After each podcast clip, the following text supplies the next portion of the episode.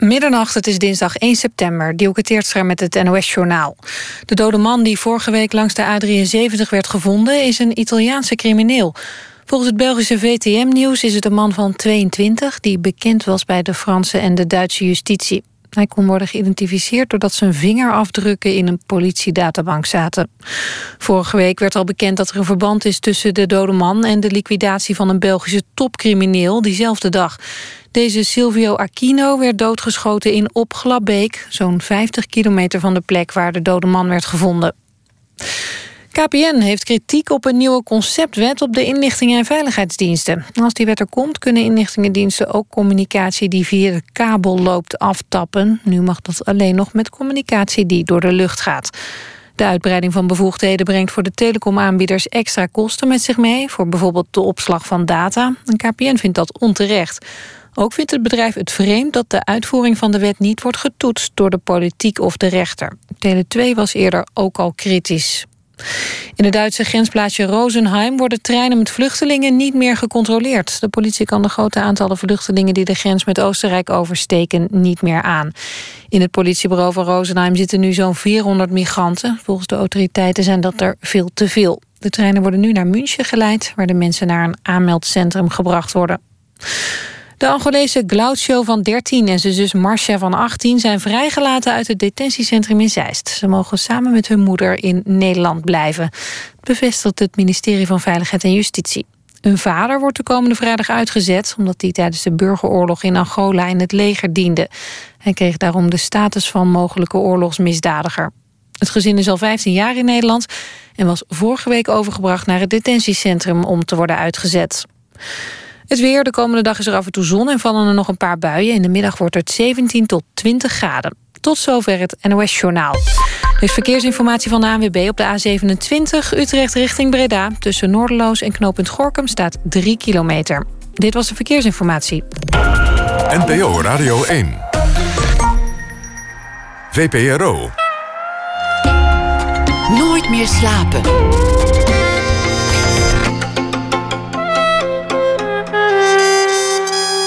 Met Pieter van der Wielen. Goedenacht en welkom bij Nooit meer slapen. Prikkeldraad, heavy metal, zuiverheid en revolutie hebben we voor u vannacht. Dick Wittenberg is gefascineerd door het dreigende ijzerdraad. Prikkeldraad, hij schreef er een boek over. Een geschiedenis van goed en kwaad in Prikkeldraad. Anton de Goede verdiept zich in zuiverheid. De nieuwe lang verwachte roman van Jonathan Franzen. En we gaan het ook hebben over een cruiseschip voor heavy metal fans. Dat allemaal na ene, maar we beginnen met Marja Vuistje. Het rijbewijs van Nematollah is de titel van haar nieuwe boek. De geschiedenis van Iran vertelt aan de hand van één migrantenfamilie. Vuistje reisde er voor meerdere malen naar Iran. Ze leerde een beetje Parsi. Ze hield heel veel interviews. En zo vertelt ze aan de hand van Arash, die in Nederland is komen te wonen en niks weet van het verleden van zijn vader Nematollah, wat er is gebeurd in de 20e eeuw in Iran. Vuistje is uh, geboren in 1955, journalist geweest voor onder meer Opzij en Vrij Nederland en uh, vele andere instanties. Ze heeft inmiddels een klein maar geprezen oeuvre. Eerder schreef ze Ons Kamp, de geschiedenis van het Joodse proletariaat in Amsterdam verteld aan de hand van haar eigen familie. En ook schreef ze de biografie van feministe Joke Smit. Welkom Marja Vuistje. Dankjewel. Altijd dat verleden. Wat is er toch met het verleden? Nou ja, ik heb heel lang in de journalistiek gewerkt. En uh, dat, dat doende vond ik altijd al dat je pas een goede journalist kon zijn als je wist wat erachter zat. Wat voor geschiedenis erachter dingen zit die nu gebeuren. Dus ik denk dat ik daar vandaan in de geschiedenis terecht ben gekomen. En dan eigenlijk op je eigen manier. Want je, je hebt uh, met dit boek toch een, een, vorm gekozen die je, die je de vorige keer ook hebt gebruikt met je eigen familie. Ja. Namelijk het hele grote verhaal van, van revoluties en dictaturen verteld aan de hand van één familie. Ja. Is, is dat een, een bewust gekozen concept? Of, of ja, nou ja, ik, ik denk wat dat betreft dat de biografie van Joke Smit en mijn boek Ons Kamp en ook dit nieuwe boek, uh, Het rijbewijs van Nematollah, uh, heel erg op elkaar lijken. Dus het is steeds. Een, een, aan de hand van een persoonlijk verhaal, of dat nou één persoon is in de vorm van Joke Smit of, of een familie, uh, uh, de grote geschiedenis daarachter vertellen en hoe die geschiedenis mensen ook beïnvloedt. Je was gefascineerd door uh, migratie. En dat Ja. was eigenlijk waar het mee begon. Je dacht, ik, ik wil iets doen met, met dat thema migratie. Ja. Wat, wat Nou een ja. reusachtig thema is. Ja, het is een reusachtig thema. Ik, ik had ons kamp geschreven over mijn eigen familie. In ons kamp moest ik ook een beetje over mezelf schrijven. Dat vond ik helemaal niet leuk om te doen. En eh, ik had eh, bij ons kamp wel de intentie om een groot verhaal te vertellen aan de hand van personen. Maar mijn manier van schrijven is toch vrij persoonlijk. En eh, de reacties op ons kamp, en met name de ongelofelijke hoeveelheid brieven die ik kreeg, waren, boorden ontzettend in op mij persoonlijk. En mijn vader. En ik kreeg ongelooflijk veel brieven met ontboezemingen van mensen zelf. En dat ging allemaal over de geschiedenis die mij is ingebrand, zeg maar. En ik had een ontzettende behoefte om na ons kamp, wat heel erg dicht op mijn eigen huid zat, iets te schrijven wat eh, veel verder van me afstond. En ook om, om een geschiedenis mijn eigen te maken die niet zo direct van mij was. Eh, wij, eh, ons kamp ging over dat deel van de geschiedenis, de verwerking ook van de Jodenvervolging. Eh, een, een, een thema wa- wat in Nederland eigenlijk onder bijna iedereen zijn huid zit. Hè? De, de Tweede Wereldoorlog en met name de, de, de moord op, op zoveel Joden. Dat is een beetje ons, ons morele eikpunt. Dat is ons allemaal, zijn we daarmee gepokt en gemazeld. Alle generaties die na de oorlog geboren zijn ook. En ik wilde eigenlijk heel graag eh, de geschiedenis vanuit een heel ander deel van de wereld leren kennen. En, eh, en, en het, het fenomeen migratie fascineerde mij. Vooral omdat ik zelf totaal geen migrant ben. Het is, hè, Joden worden heel vaak gezien als een soort migranten. Maar ja, En, jou- jouw eh, familie is, is, eh, zat al heel lang in Amsterdam. Ja, al een En- paar eeuwen. Wij zijn super autochtonen eigenlijk. Het grootste deel is ook in Am- Amsterdam gebleven. Een, Ja. paar naar Israël gegaan, maar, Ja, maar, er is iemand naar Amerika gegaan. Maar, toch niet veel. Nee, nee, nee. De meeste zijn in Nederland gebleven.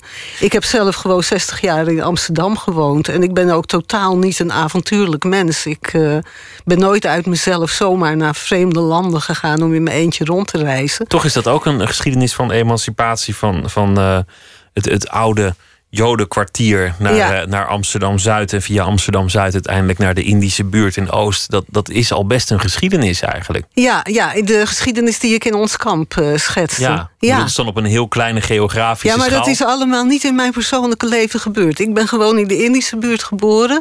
En ik, loop, ik woon nog steeds op loopafstand van het huis waar ik geboren Je kan er in een half uurtje naartoe lopen. En dus ik, ik, ik vind mezelf een enorme honkvaste persoon. En eh, ik ben ja, gewoon bevriend geraakt met, met een x-aantal migranten. Het leuke van in Amsterdam wonen is dat de hele wereld langzamerhand wel tot je beschikking komt zonder dat je zelf beweegt. Ik heb eh, hele goede Chileense vrienden gekregen. En in de loop van mijn journalistieke carrière kwam ik steeds meer Iraniërs tegen. Die eh, verrassend veel op mij leken, eigenlijk. In Ehm, welke zin? nou ja, mensen van zo'n beetje mijn eigen generatie. Hè. De Iraniërs die naar Nederland kwamen, die kwamen hier doorgaans vanaf de jaren tachtig. Waren mensen van eh, ongeveer zo oud als, als ik was. Of ben. En eh, die net zoals ik in de jaren zeventig progressief links werden. En dromen hadden over de wereld. En tegen Amerika. En hè, tegen de oorlog in Vietnam waren en zo. Je, je spreekt in verleden tijd. Dromen hadden en, en progressieve ideeën hadden. Van- van- Nou van- ja, dat, dat, ik denk dat ik die voor een deel nog wel heb. Maar ik weet niet hoe diep dat destijds bij mij allemaal ging. Maar wat je eigenlijk zegt is, eh, mensen met- met wie ik mij verwant voelde, ook al kwamen ze van een heel ander eh, land, in een heel andere omgeving, een hele andere cultuur. En toch stonden ze veel dichter bij je dan misschien iemand die ook geboren en getogen is in, in Amsterdam, maar een, een heel andere Ja, mentale. ja. De, de. Iraniërs die naar Nederland kwamen, waren doorgaans hoogopgeleide mensen die gestudeerd hadden, eh, actief waren geweest, eh, aanvankelijk in het verzet tegen de Shah. Uiteindelijk eh, in een revolutie terechtkwamen die niet afloop, liep zoals zij hadden gehoopt dat hij zou aflopen. En voor een deel ook gewoon eh, in de gevangenis terechtkwamen en, eh, en in, in de diaspora uiteindelijk. En eh, ja, voor ons, Amsterdammers, die in de kroeg zaten en revolutionaire teksten uiten, was het eigenlijk heel comfortabel om, om die levensstijl. Het is ook een beetje een levensstijl, wereld- wereldwijd geweest. Hè? En uh, ik, ik ben altijd in een comfortabele omstandigheid gebleven. Terwijl als ik toevallig in Teheran was geboren en niet in Amsterdam, dan weet ik niet of ik het had overleefd. In Iran hebben heel veel mensen van mijn leeftijd die levensstijl en, en die uh, ja, al dan niet heel erg bewuste keuzes uh, met een hoge prijs uh, moeten bekopen. Een van die migranten die tegenkwam, dat was Arash, ja. die sinds 1982 in, in Nederland woont. Hoe ben je te werk gegaan? Heb je op een dag tegen hem gezegd: Ik wil jouw familiegeschiedenis beschrijven? Ging het zo? Of, of ja, was het ja, het is iemand die, die uh, verwant is aan een vriendenkring waarin ik zat. En uh, ik, ik, eet heel graag met mensen. Ze zaten vaak te eten met een groepje. En daar zat Arasje ook bij. En uh, nou ja, zo'n clubje wat een beetje geestverwant is. Hadden ongeveer hetzelfde werk. En met een borreltje op ga je dan over je familie vertellen. En hij had hele kleurrijke verhalen ineens over zijn vader. Die Nematollah. En uh, ja, toen ik ons kamp uh, had geschreven en dat af had... een enorme behoefte had om iets heel anders te gaan doen... toen heb ik inderdaad tegen hem gezegd dat ik, dat, ik dat wilde doen. Je bent mensen gaan interviewen. Je hebt, ja. je hebt Parsi geleerd. Farsi. Farsi, ja. ja. Uh, hoe, hoe heb je dat aangepakt en hoe goed is je Farsi inmiddels? Nou, ik, ik spreek geen niet vloeiend Farsi, maar ik kan me redden. Ik, wilde, ik ben Farsi gaan leren omdat ik niet helemaal onthand wilde zijn in Iran. Ik ben helemaal niet zo stoer. Maar mensen interviewen in een taal, dat, dat is nog best, best ingewikkeld. Ja, de meeste mensen die ik heb geïnterviewd, die spraken Engels. Er waren er een paar die alleen Farsi spraken. En mijn oorspronkelijke idee was om, om een, een paar beleefde zinnen tegen ze te kunnen zeggen... en verder met een tolk te werken. Maar toen ik daar eenmaal was de eerste keer... toen bleek dat juist diegene, Sarah, de, oudste dochter van... Eh, de oudste zuster van Arash... en de enige uit dat gezin die nog in, in Teheran woont... dat hij enorm geduldig was met mijn farsi. En het nadeel van met een tolk werken... is dat je ook een afstand creëert. Dus de, intimiteit die je hebt uh, als je gewoon met iemand op stap gaat, uh, die, die doorbreek je als er steeds een tolk tussen komt te zitten. Dus wij deden dat zo, dat ik in mijn gebrekkige farsi probeerde haar te interviewen. En als we er niet uitkwamen, dan belden we haar zoon, die, die Engels sprak. Maar het ging verrassend. Het ging eigenlijk verrassend goed. Want als je met iemand uh, wilt communiceren, dan heb je eigenlijk niet heel veel woorden nodig. En het checken deden we dan achteraf wel met, met haar zoon erbij, die Engels sprak. En verder heb ik met haar heel veel dingen gedaan. Ik wilde plekken bezoeken waar de familie heeft gewoond. Ik wilde naar de graven van die ouders. Uh, en zij wilde dat allemaal met mij doen. Ik, ik was echt. De, eerste keer dat ik naar, naar Iran ging, had ik eigenlijk helemaal niet verwacht dat de familie zomaar zou willen meewerken. Er komt ineens iemand uit Nederland die niemand kent, die zegt dat ze schrijfster is. En ik dacht, ik ga eerst eens even voorzichtig kennis maken. En die, die beleefde frasen ga ik dan gebruiken. En dan laat ik het even bezinken. En dan kom ik een keer terug. En dan komen er misschien echte interviews. Maar meteen de eerste keer dat ik er was, kon ik eigenlijk al het werk wat ik wilde doen al doen, tot mijn verrassing. Het, het blijft een geschiedenis uh, van persoonlijke verhalen. Mensen die proberen er wat van te maken. Tijden waarin het goed gaat, tijden waarin het uh, minder goed gaat. Je gaat heel ver terug in die geschiedenis. Dat moeten we misschien nu niet doen. Maar um, laten we even teruggaan naar de tijd van de Shah. De Shah ja. was een, een bondgenoot van het Westen, ja. kun, je, kun je zeggen achteraf wordt er vaak met nostalgie op teruggekeken. Ja. Omdat hij er ook mooi uitzag en had een mooie vrouw. Ja. En hij wist zich goed te kleden. Dus er is een, een zekere nostalgie ontstaan. Ook omdat, wat je net al zei, de tijdgeest daar toen niet zo heel veel verschilde van de tijdgeest hier. Weten we achteraf. Ja, maar er waren natuurlijk wel uh, verschillen ook met hier. Uh, Iran is, is nooit een kolonie geweest. Dat is wel heel belangrijk. Maar het is wel een land geweest wat door verschillende landen, door Rusland, door Engeland, werd beschouwd als een land waar je overheen kon lopen als het je uitkwam. Dus er, in Iran zelf um, had je iets wat op meer plekken op de wereld opkwam. India, het Midden-Oosten, al die landen die uiteindelijk eh, gedecoloniseerd werden, die, die waren allemaal op zoek naar een soort eigenheid. En in Iran had je aan de ene kant mensen die heel erg op mij leken, en misschien ook wel op jou. Aan de andere kant ook mensen die de eigenheid in, het, in wat uiteindelijk het isla, islamisme is geworden zochten.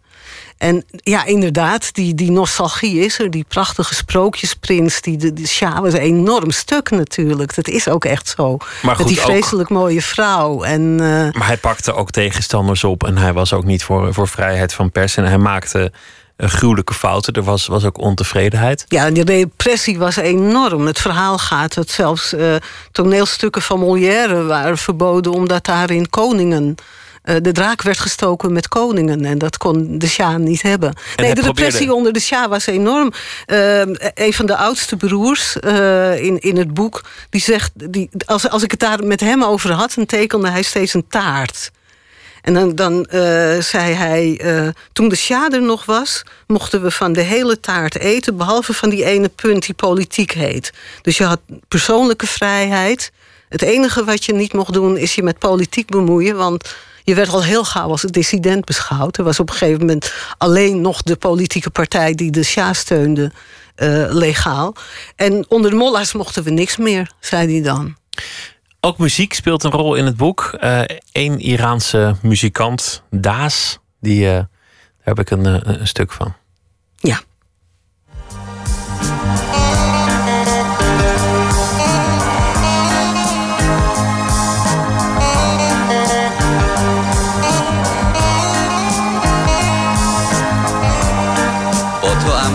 ای مرد صحرا. ای تو از روشنی روز. ای تو بر دشتای خالی. شب چراغ شعله افروز. با تو هم ای از دیار خوشه های تو ای از سواره بیریاب و پاک مردم.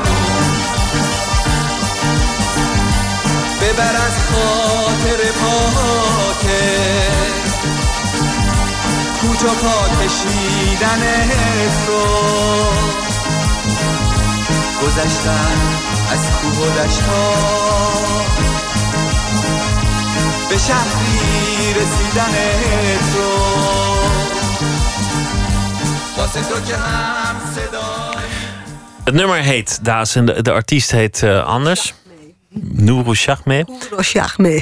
En, en eh, di- dit is eigenlijk de muziek van die tijd. De, de, de, de mooie, vrije Nou, jaren. dit is de muziek uit de jaren zeventig. Ja, Kourosh Jagmeh is trouwens een van de weinige popartiesten uit die tijd die in Iran is gebleven. De hele popscene is eigenlijk bijna in zijn geheel voor het grootste deel naar Californië heeft het zich verplaatst. Voor een deel ook naar Duitsland, Frankrijk. Net als Hij- heel veel artiesten, academici. Ja, eh, eigenlijk iedereen precies. die, die kon bewegen en Ja. elders iets te zoeken had, is, is hem gepeerd. Ja, ja. Laten we luisteren naar het eh, eh, moment. Want, want het protest tegen de Shah nam toe. Op een zeker ogenblik eh, escaleerde dat. Omdat er na een demonstratie geschoten was. Er Ja. waren doden gevallen. Ja. En de Ayatollah, die op dat moment in Parijs in ballingschap zat. En al langer zijn, zijn terugkeer voorbereidde. Nou, hij zat eigenlijk nog niet in Parijs. Hij zat in, in Irak. Hij, kort daarna ging hij naar Parijs. En hij keert op een zeker ogenblik terug Ja. naar, naar Iran.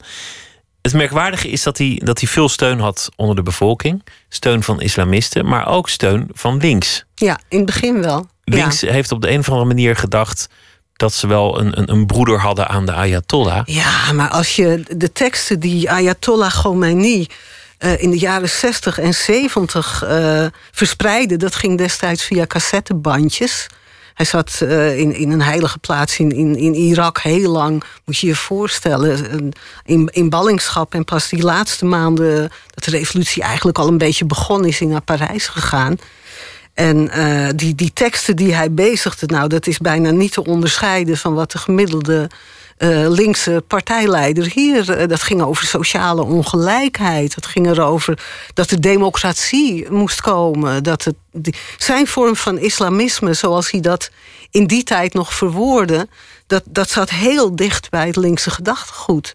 En dat het uiteindelijk zou eindigen in een, in een conservatieve islamitische staat. Dat uh, ja, in, in die tijd werd, werd uh, nog wel eens met Bisschop Tutu uh, vergelijken. Dat, dat of kunnen met, we ons, of met Nelson Mandela, al die vergelijkingen. Dat, dat, kunnen we ons nu helemaal niet meer voorstellen. Maar je, je kunt achteraf toch met zekerheid zeggen dat, dat de linkse jeugd zich daar nou, gewoon op het verkeerde paard heeft geweten. Nou ja, de linkse jeugd had een enorme afstand eigenlijk van Khomeini. De, het was niet zo dat de linkse jeugd uh, de revolutie uh, is, is mede ingegaan omdat ze zo graag een oude, ayatollah aan de macht. Het, uiteindelijk bleek dat dat islamisme gewoon groter was dan, dan al die linkse jongeren. Revoluties worden ook nooit door jongeren gemaakt. Hè? Je kan wel een jongerenrevolte hebben. Hebben we hier ook wel eens gehad. Maar het wordt pas een revolutie als iedereen boos wordt. Dus niet alleen een paar jongeren die op de universiteit zitten, maar als bijna iedereen uh, ook de huismoeders, ook de arbeiders, ook uh, uiteindelijk uh, die, de soldaten niet meer de kant kiezen van de macht, maar, maar iets anders gaan doen. Omdat dat, dat was in Iran ook zo. Er gebeurde in Iran op een gegeven moment bijna niks meer waar de Shah niet de schuld van kreeg. En Khomeini was eigenlijk de enige die werd gezien ook als een bindende figuur. En, en het is ook niet zo dat, dat er een heleboel mensen. Dat islamisme had ook wel wortels. Laten we luisteren naar het fragment. Het uh, is een uh, verslag van NBC van de terugkeer van de Ayatollah. For Khomeini, the flight from Paris to Tehran marked the end of 15 years in exile. For the people of Iran, the arrival of his jetliner signaled the beginning of even more radical social and political changes than have already taken place. Khomeini, almost unknown outside of Iran just a few months ago, returned a hero, the man who from long distance had led the revolution to topple the Shah. Inside the airport terminal, Khomeini was greeted by scores of Muslim religious leaders and political allies. He called on Iranian Prime Minister Bakhtiar to resign and said all foreigners should leave the country. In an obvious reference to the United States, he said foreign advisors have ruined our culture and have taken our oil. What had been a well-planned arrival ceremony soon turned into chaos as Khomeini, riding in an American-made car, led a motorcade through the city. Terug naar het, uh, het boek, het rijbewijs van Nematollah. Arash is een van die, die jongeren. Hij uh, is op dat moment heel actief in, in, in de politiek in Iran. Zijn vader, die, die staat op de, de kaft van jouw boek voor Mhm. twee prachtige auto's in een, in een prachtig kostuum. Die had het eigenlijk heel goed onder de Shah. Nou was Nematollah al, al lang dood hè, toen de revolutie uitbrak. Die, hij is in 64 overleden toen Arash pas twee was. En uh, ja, hij, hij, Nematollah was een figuur die zo rond de Eerste Wereldoorlog... Een, zijn dorpje achter de berg Damawand had verlaten. En uiteindelijk een van de eerste chauffeurs van Teheran werd. Is uh, niet door de mooie Shah die wij nog kennen, maar door zijn vader. Uh, werd hij in dienst genomen. Hij heeft de Shah nooit gereden, maar wel een aantal ministers en ook uh, voor de Tweede Wereldoorlog de Duitse ambassadeur. En voor Nematollah was eigenlijk zijn uh, indiensttreding bij de chauffeursploeg van de Shah. Dat was uiteindelijk een beetje zijn toetreding tot de middenklasse. Dus van een arme plattelandsjongen werd hij een man die het best goed had. En die ook uh, al zijn kinderen naar de middelbare school kon laten gaan. En, uh, dus daardoor... het, het, het, thema waar je het eerder over had, uh, terloops, de emancipatie. Het ja. hoger opkomen ja. in de wereld, wat in jouw eigen geschiedenis. Ja, dat zat ook in deze familie. Dat vond ik ook het aantrekkelijke van deze familie. Niet alleen dat er allemaal stoere verhalen en mooie verhalen over Nematollah zijn, over al die vrouwen die hij versierde en over hoe leuk hij was en sociaal. Maar ook het feit dat het over een gewone familie ging. Dat, dat vond ik aantrekkelijk. Over een familie die zich probeerde op te werken ja. en, en, het beter te krijgen ja. voor de kinderen. Ja, ja, eigenlijk wel, ja. ja. De tragiek is als je dan uh, een, een, een, sprong neemt in de geschiedenis, dat uh, Arash, net als heel veel van zijn leeftijdgenoten, weg heeft moeten gaan. Dus, dus de, Uiteindelijk wel, ja. De vorige ja. generatie die heeft alles gedaan om het beter te krijgen voor de kinderen, maar die kinderen ja. die, die. Maar dat die is een lijn die is doorgegaan in het buitenland. Dat, dat ook de het kinderen. beter krijgen. Ja. Ja, de, de kinderen van Nematolla, ze zijn dus op één na eh, allemaal naar het buitenland gegaan. En voor al die kinderen geldt dat hun kinderen universitair geschoold raakten. Of, of hoger geschoold in ieder geval. Dus die, die lijn van de emancipatie die ging ook in het buitenland door. Wat is er gebeurd waardoor Arash uiteindelijk ehm, moest vluchten? Hoe is dat gegaan? Nou ja, het, ehm, de- de- in, eh, na de revolutie. Al die linkse partijen waren in het begin ook wel behoorlijk eh, in de war over hoe moeten we die oude Ayatollah nou beoordelen. Is dat nou echt zo'n sociaal voelende man die eh, alle verschillen tussen rijk en arm gaat opheffen en die echt gaat zorgen voor democratie? Hè? Want het woord democratie, daar schermde Khomeini in het begin vooral heel erg mee. Dat, sloeg vooral heel erg om toen de oorlog met Irak begon. In september 1980 begon de oorlog met Irak. En een land in oorlog is doorgaans niet zo bereid om eh, warme banden te onderhouden met oppositie die hier en daar ook nog naar de wapens grijpt. Want de, de guerrilla-romantiek was nogal groot in die linkse partijen. En eh, uiteindelijk werden alle, alle linkse partijen. De, liberale partijen waren eerder al, al verboden. Er waren een heleboel mensen al naar Parijs en naar God weet waar. Maar uiteindelijk zijn al werden al die linkse jongens en meisjes eh, illegaal verklaard. En eh, moesten of eh, zich aanpassen, zich openlijk islamitisch verklaren. Of ze werden onder dienst gestuurd. Er wa- was natuurlijk intussen ook dienstplicht voor jongens zoals Arash. En het was geen leuke oorlog. Het was echt een oorlog die meer doet denken aan de loopgraven van de Eerste Wereldoorlog dan wij, wat wij uit, overle- uit overlevering uit de Tweede Wereldoorlog kenden.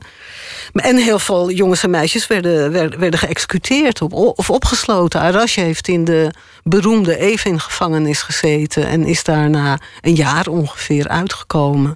En daarna was hij dienstplichtig op allerlei manieren. Eh, was het voor hem eng geworden Want- in eh, Iran. Wat altijd werd gezegd is, Irak heeft eh, de wapens. Irak had meer wapens dan Iran, maar Iran had het, het kanonnenvlees. Ja, Die hadden de, mannenschap, de Ja. manschappen. En zo Ja. bleef die oorlog ook duren. Maar je kunt je voorstellen met hoeveel verliezen dat gepaard ging. Ongelooflijk. Ongelooflijk. Ja. Dat is echt een van de dingen die ik me door het schrijven van dit boek veel meer ben gaan realiseren. Wij kennen oorlog alleen maar uit overleveringen. Maar hier is acht jaar oorlog gevoerd. En er zijn gigantisch veel slachtoffers bijgevallen. Hij is eh, eh, uiteindelijk in Nederland terechtgekomen, eh Arash. Daar wordt het echt een, een migrantengeschiedenis.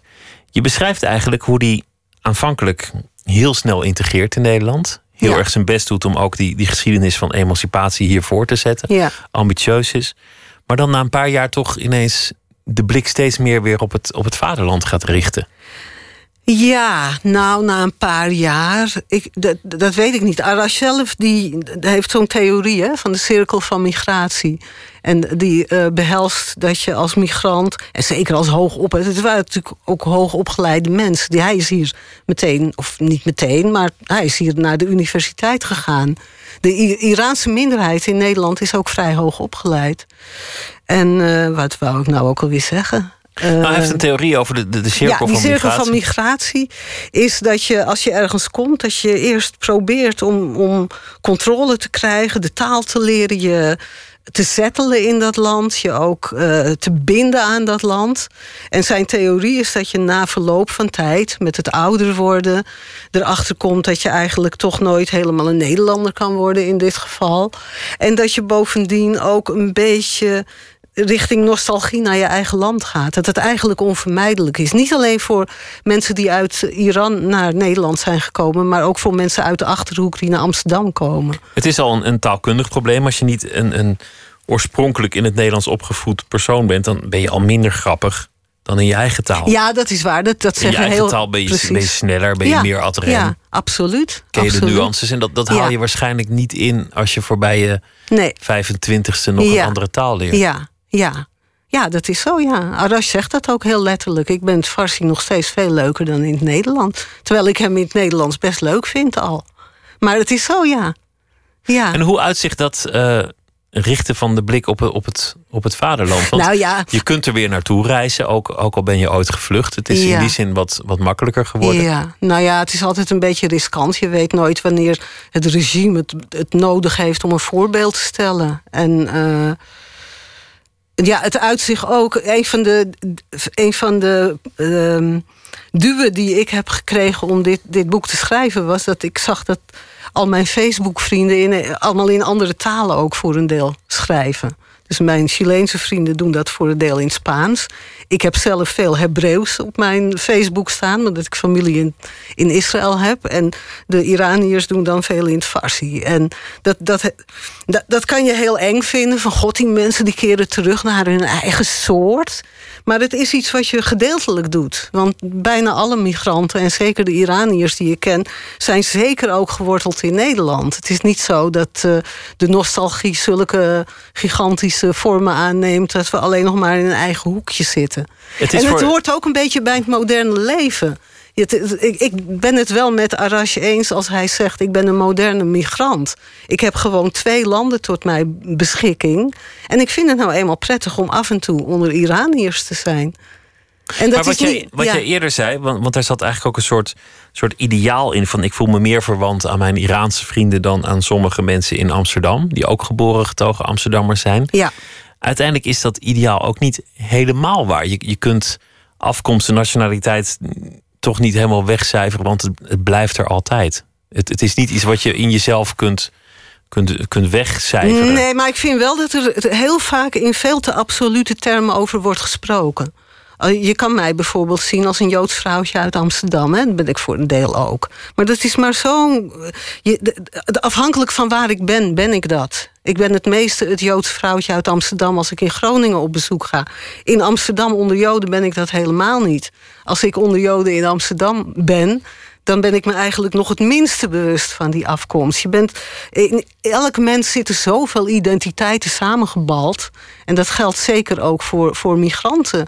Eh, de Iraniërs die ik ken, die zijn niet de hele dag alleen maar Iraniër. Die zijn ook socioloog en die zijn vader. En die hebben een kind op school. En dus eh, in mijn boek heb ik eigenlijk al die, die verschillen en al die clichés voor een deel die je hebt over Iraniërs die kennen we al. Het is een hele andere cultuur. Die mensen eten anders. Die mensen, hè?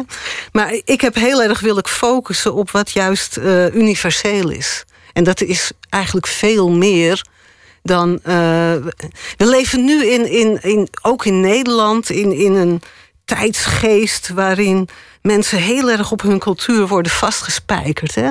Dat zijn de Turken, dat zijn de Marokkanen. En dan is het allemaal in hoofdletters. Terwijl er ongelooflijk veel is wat alle mensen van Amsterdam, alle mensen van Nederland, ongeacht hun afkomst delen. Ze maken zich allemaal zorgen over hoe het op school met hun kinderen Maar gaat. ik, ik denk dat dat een reactie is op, op de jaren negentig. De, de, de muur was gevallen en iedereen dacht... er is nog maar één model en binnenkort zal de hele wereld dat model wel volgen. En naarmate iedereen erachter komt dat dat toch complexer ligt... krijg je volgens mij ook een reactie waarbij mensen identiteiten weer gaan ontdekken en afstoffen. En, ja, maar ik en denk dat ook te te. Ja, ik denk ook dat, dat het te maken heeft met een heleboel dingen heel snel zijn gegaan in deze wereld. En, en dat, dat, eh, dat er heel veel eh, gevoelens eh, terecht of, of niet terecht van onveiligheid zijn. En dat eh, een van de antwoorden die je daarop zou kunnen hebben, is, is, is nostalgisch terugkeren naar iets wat je eigen cultuur kan noemen. Maar een, een cultuur is nooit statisch, is altijd. eh, ook Iran is zo een land wat toch uiteindelijk in de wereld staat en zo beïnvloed is door, door alles wat wij hier ook hebben. Het is ook een atypische migratiegeschiedenis in die zin dat in Iran vooral de, de hoogopgeleiden er vandoor gingen. Een Ja. enorme brain drain Ja, is er absoluut. geweest. Ook, Ja. ook enorme schade aan de economie heeft dat toegebracht. En het waren migranten die iedereen ook graag zag komen. Ja. Ook in de Verenigde Staten, waar ze normaal helemaal niet zo de deur openzetten. Ja. Ze zagen toch graag die, die mensen met verstand van informatica en, Eh, en nou, ik weet niet of het zo, zo ruimhartig was allemaal hoor. Het was voor eh, Iraniërs ook moeilijk om een green card te krijgen in Amerika. En de Iraniërs die naar Nederland toe kwamen. Inmiddels zijn Iraniërs geloof ik wel gedeeltelijk erg uh, populair in Nederland. Omdat uh, die, die, die enorme drive van het leren en van het, het kinderen ook motiveren om te leren. Uh, ik, de, ik ken ontzettend veel onderwijzers die heel erg blij zijn met de Iraanse kinderen in hun klas. Omdat ze thuis zo enorm gepusht worden om hoge cijfers te halen. Maar het, het, binnenkomen in Nederland was lang niet altijd gemakkelijk voor Iraniërs. En dat was nog een veel, 1982 was een ja. heel andere tijd. Ja, ja. Een vluchteling, dat was toch iets uh, waar je trots op was als je, als je de deur ervoor opendeed. Dat, dat, was, dat is totaal veranderd. Ja, nou, het was in 82 ook al zo dat, het niet, dat de deur niet voor iedereen meer open ging. Er is. Uh, ja, de Chilenen die ik ken, bijvoorbeeld, die begin jaren zeventig naar Nederland kwamen, die hebben allemaal nog nostalgie naar, naar het Nederland uit de jaren zeventig. En de Iraniërs, die hebben allemaal herinneringen aan toch vrij lange asielprocedures en nog een keer in hoger beroep. En uiteindelijk eh, komen ze. Ik denk dat het verschil is tussen het toelatingsbeleid, werd ook in de jaren tachtig al restrictiever. Maar de Iraniërs werden doorgaans uiteindelijk door collega's, door medestudenten al gauw gespot als mensen waar je heel gewoon mee kon praten. En die verrassend, wat ik dus ook had, verrassend veel op je, op je leken. Ik wil het straks hebben toch over je, je eigen geschiedenis. Ja. Zoals je die ook voor een deel hebt uh, beschreven in het boek Ons Kamp. Ja. Maar we gaan eerst luisteren naar een uh, Britse zangeres, Lapsley. Een nieuwe single heeft ze met de titel Hurt Me.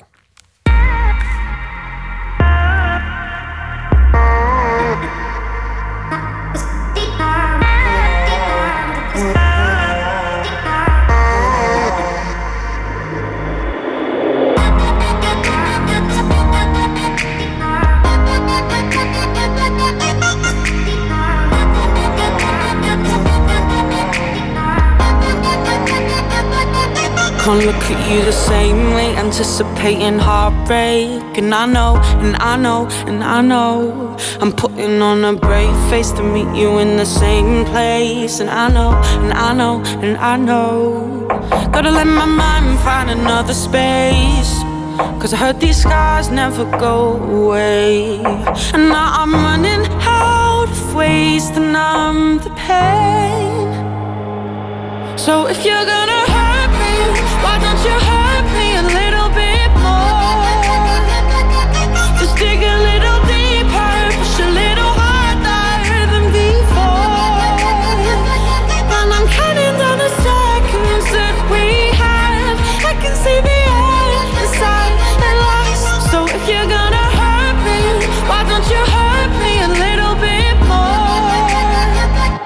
Like breathing underwater, where's the law and order?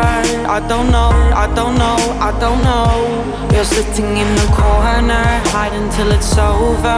And it shows, and it shows, and it shows. Building on my walls to tear them down.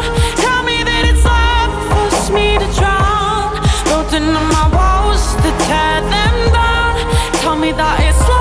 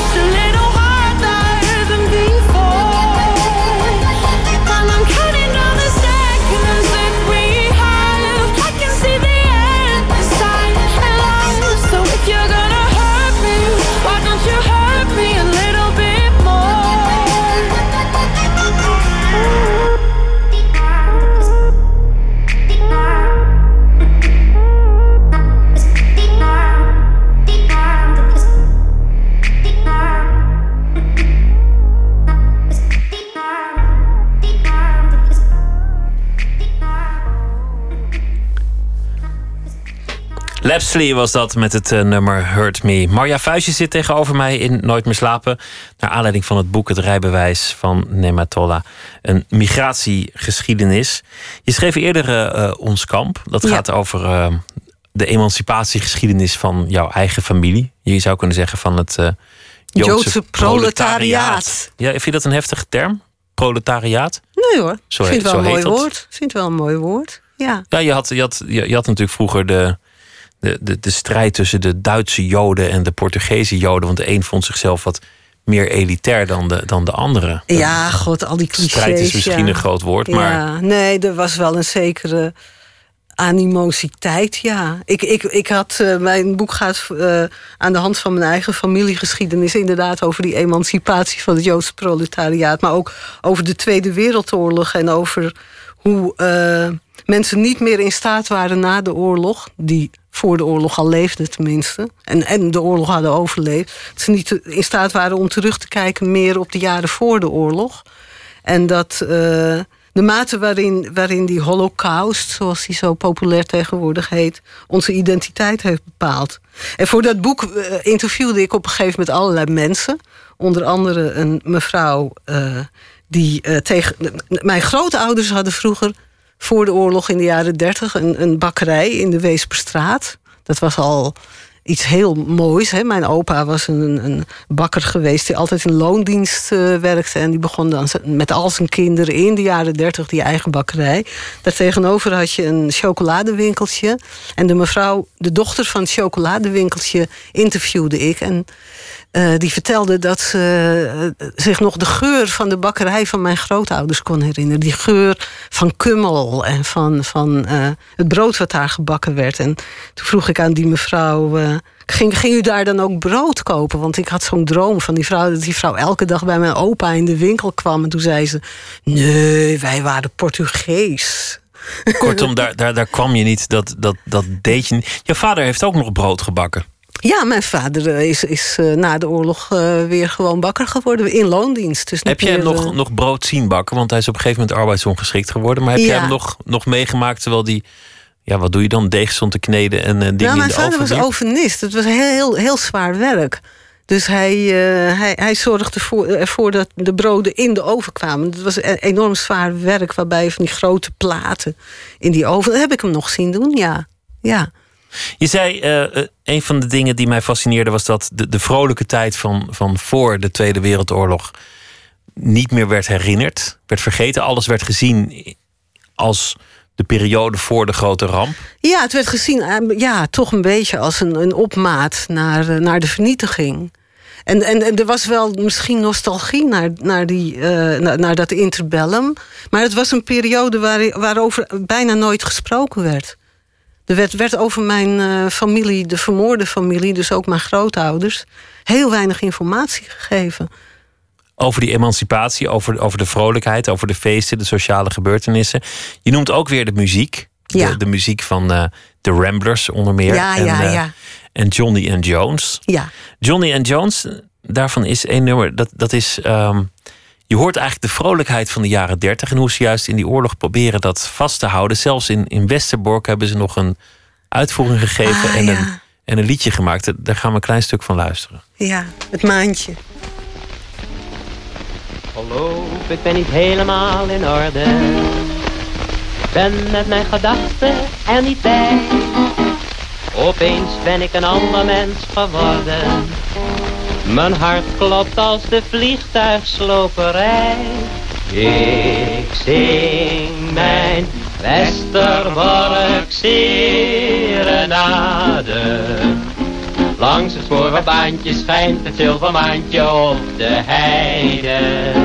Ik zing mijn Westerbork serenade.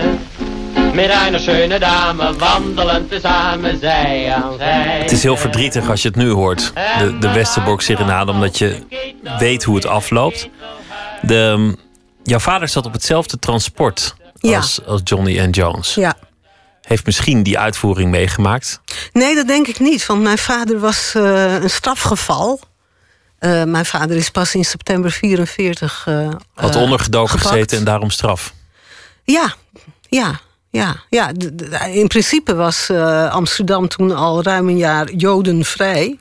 En elke jood die nog werd aangetroffen had iets illegaals gedaan. Want die had al lang op transport moeten gaan. In ieder geval in Westerbork moeten aankomen. Dus als die alsnog vonden, dan, dan kreeg je. Dan een- was je in strafgeval en dan ging je naar een strafbarak. En dan mocht je niet naar de voorstellingen van de...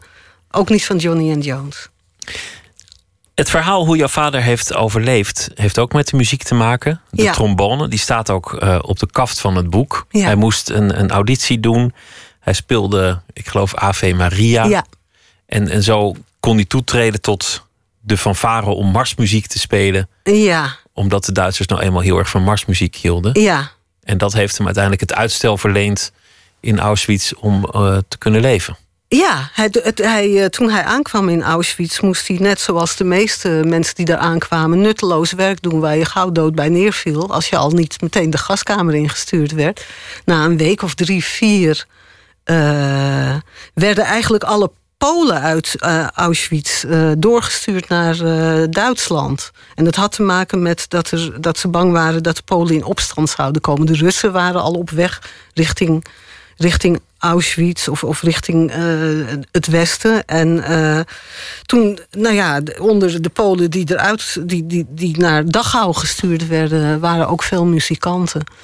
En mijn vader is er toen auditie gaan doen en eh, aangenomen. En doordat hij in het orkest terecht kwam, kreeg hij een iets betere behandeling. Hij werd niet meer geslagen.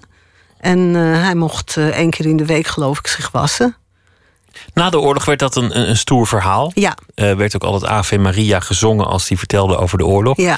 En jij als tiener haatte dat verhaal. Je, je kon die anekdote niet meer horen. Je, je gruwde ervan. Nou ja, ik was het echt helemaal zat. Ja, het was Elke echt, keer weer die eh, oorlog. Elke keer. Nou ja, niet zozeer dat ik dan. eh, het, het klinkt altijd zo van God, het arme kind is zo met die oor. Ik vond het gewoon een vervelend verhaal worden.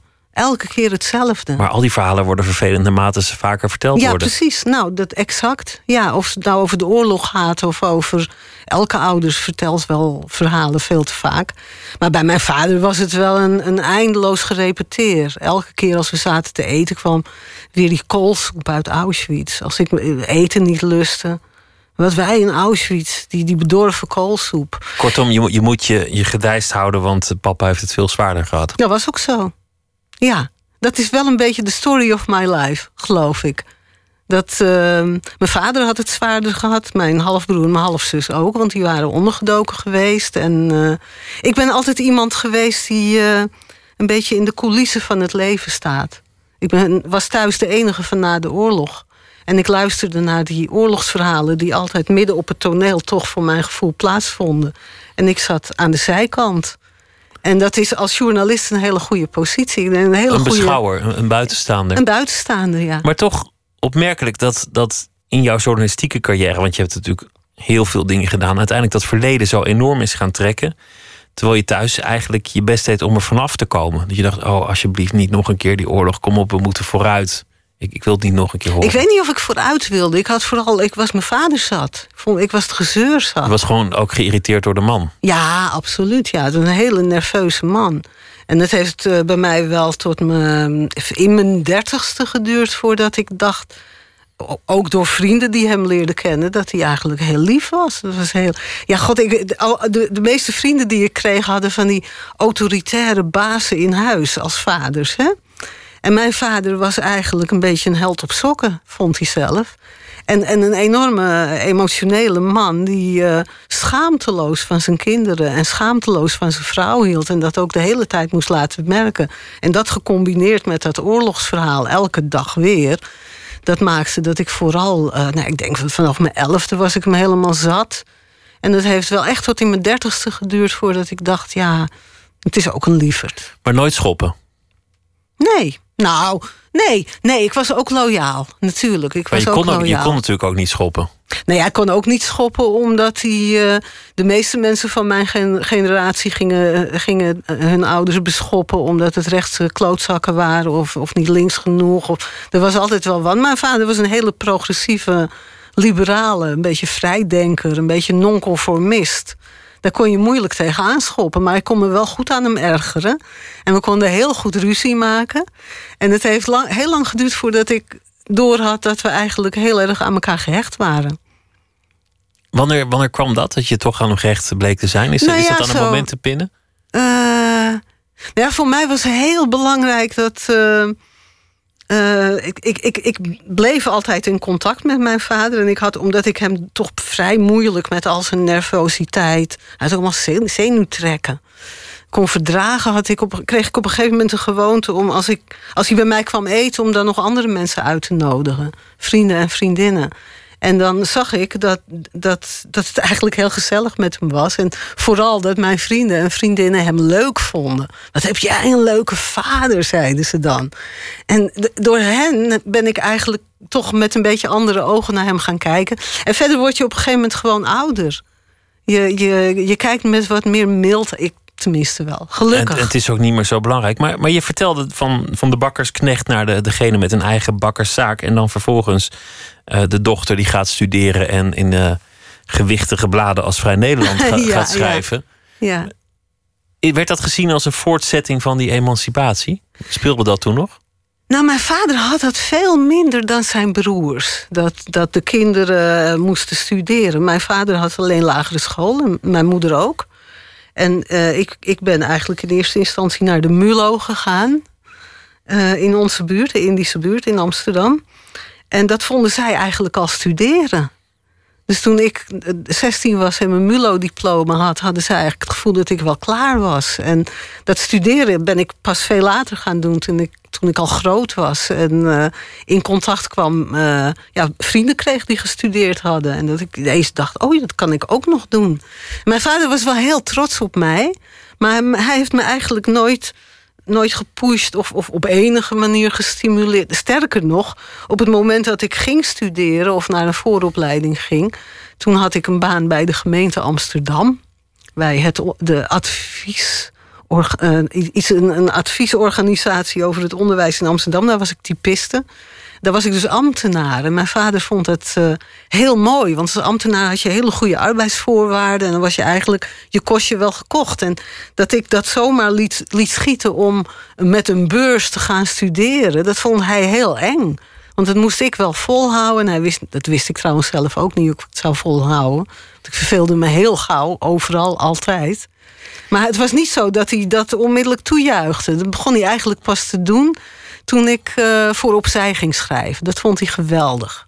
Dat Weer zijn, die emancipatie, dit keer van, van eh, de vrouw dan, hè? Ja, bij, bij, ja. bij Opzij. Dat is toch nog steeds het thema en toen helemaal. ja. Je had het eerder ook over eh, ehm, het idealisme. En, en toen zei je eigenlijk van ja, nationaliteit, dat, dat, dat speelt misschien niet altijd. Eigenlijk een soort gedachte van wereldburgerschap. ja. Ik, ik proef ook de hele tijd het ideaal van, van emancipatie, van, van hoger opkomen. Dat, dat, zijn, dat zijn voor jou volgens mij gekoesterde idealen. In ieder geval Eh, geweest. Nou, hoger opkomen weet ik niet. In de loop der tijd. eh, mijn- grootvader, die in Sobibor is omgekomen omdat hij een Jood was. eh, vond zichzelf een sociaaldemocraat. die helemaal eigenlijk zich los had gemaakt van het Joodse geloof. maar die leefde volgens de sociaaldemocratische regel: er is maar één volk, de mensheid. er is maar één land, de wereld. Hij vond zichzelf helemaal geen Jood en werd er door anderen. Nou ja, waarschijnlijk voelde hij zich wel een beetje Jood. Het wa- was iets vanzelfsprekends. Maar zijn ideaal was een ideaal van wereldburgerschap. En hoe diep dat nou ging, dat weten we niet. Dat, dat, dat, dat kunnen we niet meer controleren. Maar in deze tijd, nu, eh, 2015, waarin het eh, die is van die cultuur en die is van die cultuur. En, en, en, en, en allerlei vijandbeelden worden gekoesterd. Heb ik eigenlijk het, het oorspronkelijke ideaal van mijn opa weer eh, wat meer omarmd. Althans, ik vind het leuk om dat wat vaker te gaan roepen. Uiteindelijk is het ook wat individueler. Want dat is misschien toch leuker om mensen wat vaker gewoon als eh, Henk, Piet, Kees of. eh, Of Ahmed, maar in ieder Ahmed geval als individu. Het lijkt soms net in, in, in Nederland, in, in het Westen, laten we eens even een uitspraak gaan doen. Alsof eh, iedereen eh, geïndividualiseerd is, behalve de migranten. En ik wil eigenlijk de migranten hun individualiteit teruggeven. de Dat geschiedenis. is een ideaal, hè? De geschiedenis, wat toch een beetje jouw vak is geworden, kan je eigenlijk ook zien als een, als een natuurramp, een soort storm, een, een vloedgolf die iedereen overkomt. En eigenlijk, hoe minder je ermee in aanraking komt, hoe beter. Want Want elke keer als de geschiedenis, het verhaal binnenkomt, dan is dat een pijnlijke botsing. Ja, maar je kan niet zonder geschiedenis. En uh, ik, ik, ik, ik vond het bijvoorbeeld in uh, mijn nieuwe boek, Het rijbewijs van Nematollah. Uh, heel erg uh, voor mezelf verhelderend om te, om te beschrijven hoe gebeurtenissen uit de jaren 50 hebben beïnvloed dat er uiteindelijk in de jaren 70 dan een revolutie komt. Dus, uh, en, en, en ik, ik denk, je, je, ik, ik zie de geschiedenis ook niet, niet als een natuurramp. Soms heb ik zo'n beeld van, je, je hebt zo'n zo'n boek van Olie B. Bommel. En dan, ik, ik, ik ben nu even de titel kwijt. Hè, maar op een gegeven moment dan zijn de mensen uit het dorp... die zijn allemaal bang voor een beest wat de, wat de hele tijd komt. En als het beest komt, dan gaat iedereen roepen... er komt een beest. Dan, dan verdwijnen ze allemaal onder de grond. En dan uiteindelijk blijkt in dat boek... dat ze zelf dat beest vormen. Want onder de grond vormen ze een enorme slang... die en, en soms gebeurt dat in de geschiedenis. Dat mensen uit angst zich bij van allerlei stromingen aansluiten die, die heel eng kunnen, kunnen worden. En als je dan de geschiedenis beïnvloedt, dan kun je bijvoorbeeld, zoals de, de linkse activisten in Iran hebben bijgedragen aan de komst van de Ayatollah. Die ja. ook de reden werd waarom je zo snel mogelijk moest maken dat je wegkwam. Nou ja, misschien is dat wel de reden waarom ik een beschouwer ben geworden. Dat ik, je niet mee wil doen, uh, geen vuile handen wil maken. Nou ja, ik, ik, als ik bijvoorbeeld terugdenk aan de manier waarop ik uh, vroeger staccato standpunten innam als, als uh, linksmeisje. Dan, dan vind ik terugblikkend, weet ik eigenlijk niet meer of ik daar nou allemaal zo heel goed over nadacht. En ik weet ook niet meer of als wij nou hadden gewonnen, of het dan hier wel gezelliger was geweest. Dat hebben de Iraanse uh, linkse jongens en meisjes uit die tijd natuurlijk ook. Alleen zij hebben iets meer dan ik. Kijk, ik kan, ik kan heel makkelijk mild en terugblikken en, en lijnen schetsen.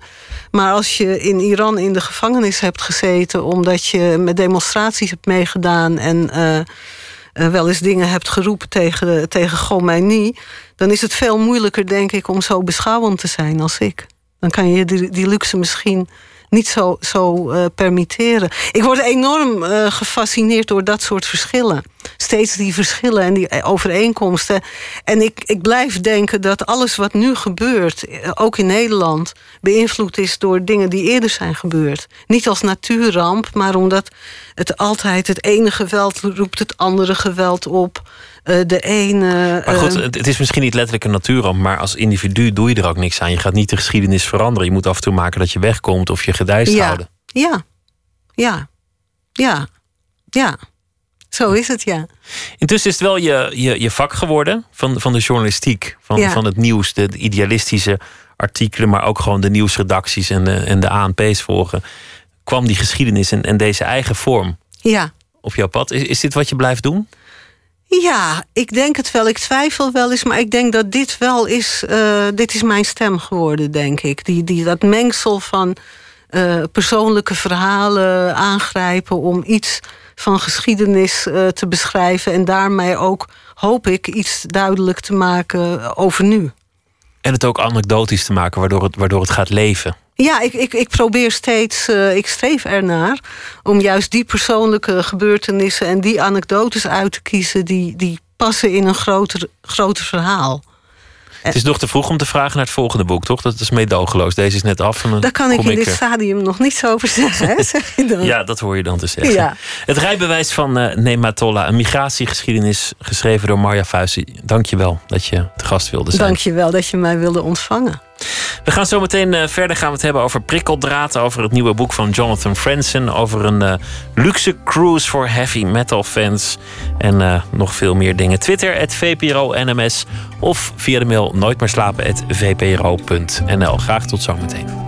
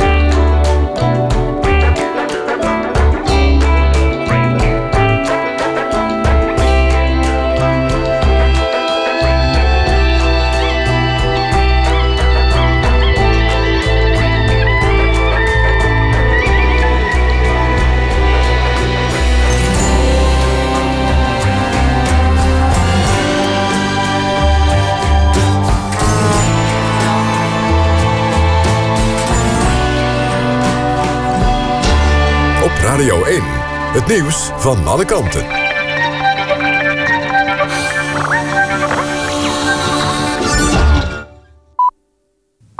1 uur, Dielke Teertstra met het NOS-journaal. Het kabinet gaat in beroep tegen het klimaatvonnis. Volgens Dagblad Trouw legt de staat zich niet neer... bij de uitspraak van de rechter uit juni... dat Nederland meer moet doen om de uitstoot van CO2 te verminderen. Regeringspartij VVD heeft vooral principiële bezwaren tegen het vonnis... en vindt dat de rechter niet op de stoel van de politiek moet gaan zitten. De PvdA kan zich inhoudelijk wel in de uitspraak vinden. Bij wijze van compromis neemt het kabinet nu, ondanks het beroep, extra maatregelen om de CO2-uitstoot terug te dringen. Welke dat zijn, wordt volgens Trouw de komende dag duidelijk. De Raad voor de Rechtspraak past de reorganisatieplannen voor de rechtbanken mogelijk nog aan. In het televisieprogramma Nieuwsuur zijn voorzitter Bakker van de Raad dat hij gemeente om input heeft gevraagd en dat hij volgende week met de lokale bestuurders om de tafel gaat.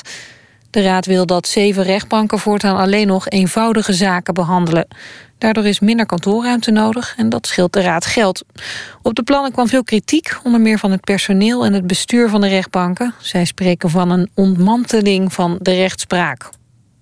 De dode man die vorige week langs de A73 werd gevonden is een Italiaanse crimineel. Volgens het Belgische VTM-nieuws is het een man van 22... die bekend was bij de Franse en de Duitse justitie. Hij kon worden geïdentificeerd doordat zijn vingerafdrukken in een politiedatabank zaten. Vorige week werd al bekend dat er een verband is tussen de dode man... en de liquidatie van een Belgische topcrimineel diezelfde dag.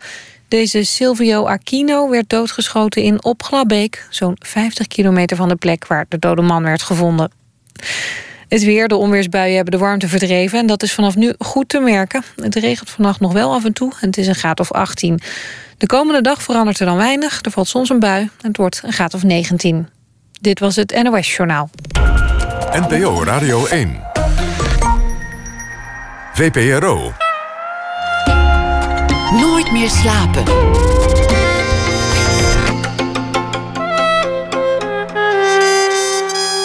Met Pieter van der Wielen.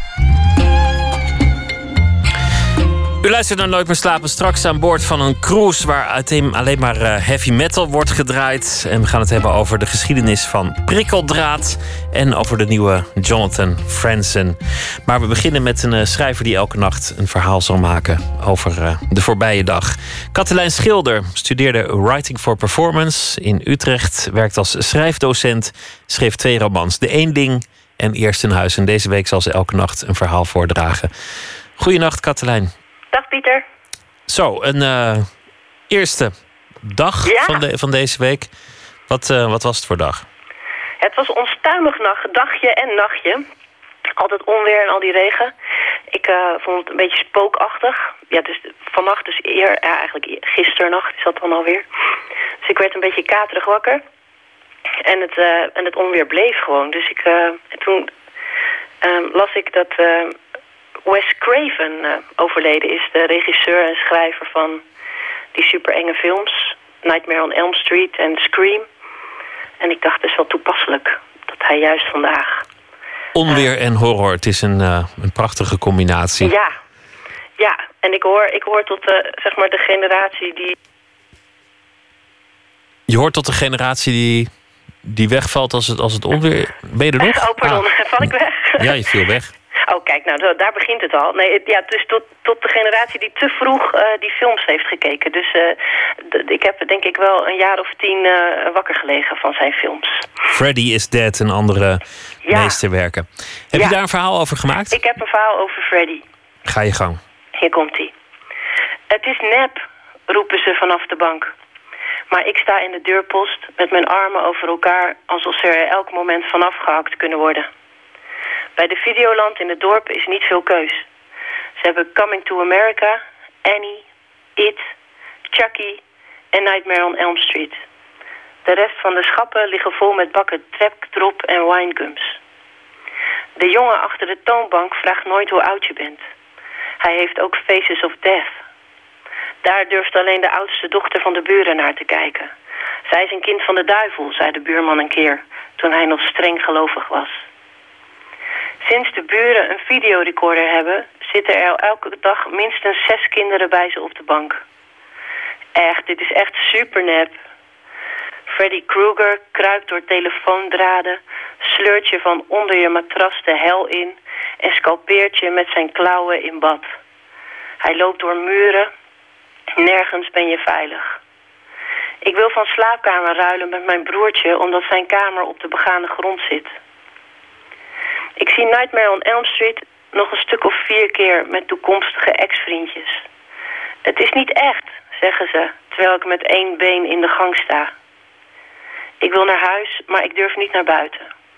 Er is altijd wel een reden om in die gang te blijven staan. Het is te donker, het is te licht, te vroeg, te laat, te ver. Het is te dichtbij, het is net begonnen, het is bijna afgelopen. Het is reclame. En Freddy? Freddy is daar elke keer weer. Als je het niet verwacht. Tot zover. Ja, horror uh, raakt snel gedateerd. Hè? Voor een generatie verder is het ineens helemaal niet meer eng. Dat, nee, is, dat is wat zo wonderlijk. Ja. Maar je moet, je moet weten waar we vandaan kwamen toen, toen Freddy voor het eerst dood. Want daarvoor had je, had je illustere films als Driller Killer. Ja. Nou, als je dat nu ziet, dat is, dat is nog minder eng, zo'n zo rubberhoofd. En, en De Lift, dat werd vroeger ook een enge film gevonden. Nou, inderdaad, ik kijk je nu naar alsof het een stomme film is of zo. ja, uit een ver prehistorisch verleden. Maar ja, Freddy was echt wel heel eng, hoor. Freddy was toen heel eng, maar ja, Ik, ik, hoor dat het dus voor de nieuwe generatie niet meer werkt. Oh, jammer. Wes Craven zal, uh, zal gemist worden. En onweer, wekt dat ook nog angst of is dat uh, gewoon een natuurverschijnsel waar je mee uh, om kunt gaan? Nee, nee, dat vind ik wel. Onweer vind ik eigenlijk altijd wel gezellig. Dan gaat iedereen naar buiten kijken en dan uh, zie je je overburen ook weer eens. En dat, dat heeft altijd wel een fijn sfeertje. Maar ik word er wel wakker van. Dus het is niet heel bevorderlijk voor de nachtrust natuurlijk. Nachtrust komt wel weer een keer als het ja, weer wat rustiger is. Week gewoon weer. Waar we dat voor nodig. Onweer is prachtig. Katelijn, dankjewel. Hele goede nacht. En graag weer tot morgen. Komend weekend vindt op Vlieland het eh, festival Into the Great Wide Open plaats. Met eh, heel veel bands en andere acts die zullen optreden. Dan verwacht je misschien uh, vooral langharige jongens met akoestische gitaren. Maar ook de soul-liefhebber zal niet tekort komen. Uit San Francisco is hier Con Brio.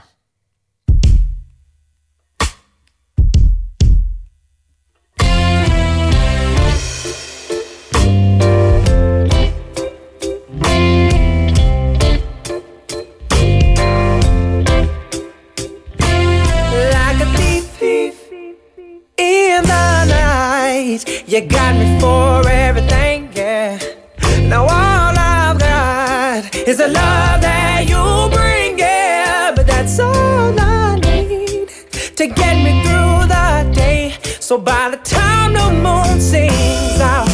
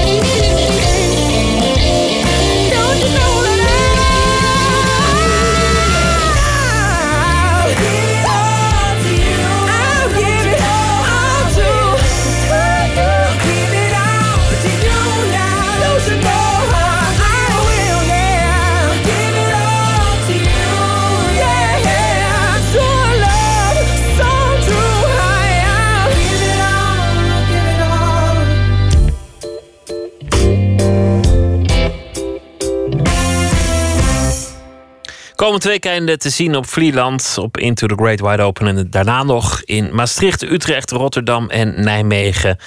Give It All van uh, Combrio dus. Nooit meer slapen. Prikkeldraad, even ouderwets als alternatief. Er worden jaarlijks nog miljoenen kilometers van geproduceerd. En als er een Google Maps voor prikkeldraad zou bestaan, dan kon je zien hoe de wereld volledig is eh, gescheiden door hekken van prikkeldraad. Journalist Dick Wittenberg wilde een boek schrijven over nieuwe grensmuren. Maar tijdens zijn onderzoek raakte hij ineens gefascineerd door het gevaarlijk uitziende ouderwetse prikkeldraad. Het werd dus een boek met de titel Prikkeldraad, een geschiedenis van goed en kwaad. Een buitengewoon actueel boek ook ineens. En Nicolaou in gesprek met de acteur. In mijn ogen is prikkeldraad een graadmeter van verdeeldheid, van uh, ongelijkheid, van chaos en van angst. Dus hoe meer prikkeldraad, dat is een, dat is een veegteken voor de wereld.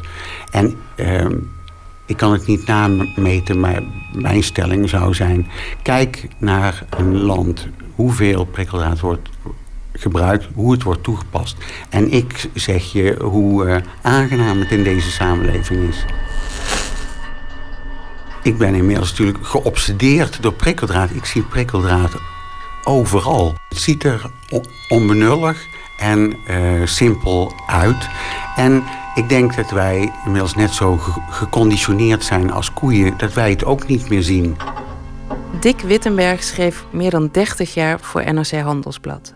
Tot hij in 2013 de overstap maakte naar online krant De Correspondent. Zijn specialisme? Armoede, ongelijkheid en ander leed in de wereld. En hij reist veel voor zijn artikelen en boeken. Die reizen eindigen stevast in een anti-kraakband in Dordrecht wat zijn vrouw het gore hok noemt. Uh, zo is het.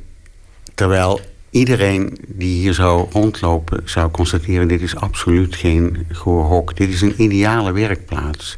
Met schilderijen aan de muur. Een stukje prikkeldraad om het onderwerp van mijn boek nooit uit het oog te verliezen. Heel veel knipsels. Uh, ik ben dol op knipsels. In alle, elke stapel knipsels zit een uh, potentieel nieuw verhaal onrecht om over te schrijven genoeg in de wereld natuurlijk.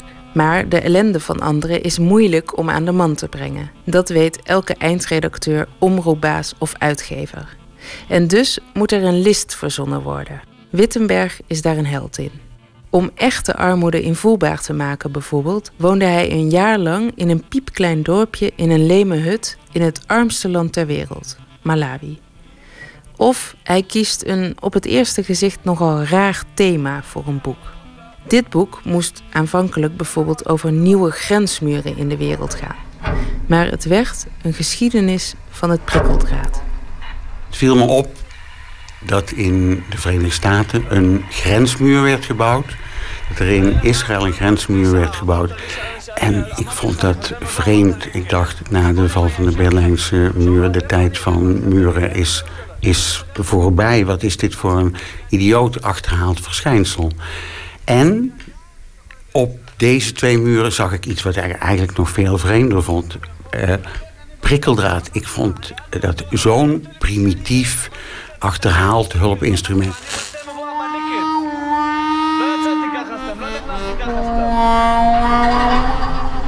Voor de oorsprong van prikkeldraad moeten we terug naar de jaren 70 van de 19e eeuw in de Verenigde Staten. Het Middenwesten was nauwelijks bevolkt en ontwikkeld. Niet dat er geen belangstelling was voor die enorme lap grond. Sterker nog, er waren duizenden mensen die stonden te trappelen om het gebied in ontwikkeling te brengen. Er was echter één probleem: loslopend vee en geen middelen om velden af te rasteren.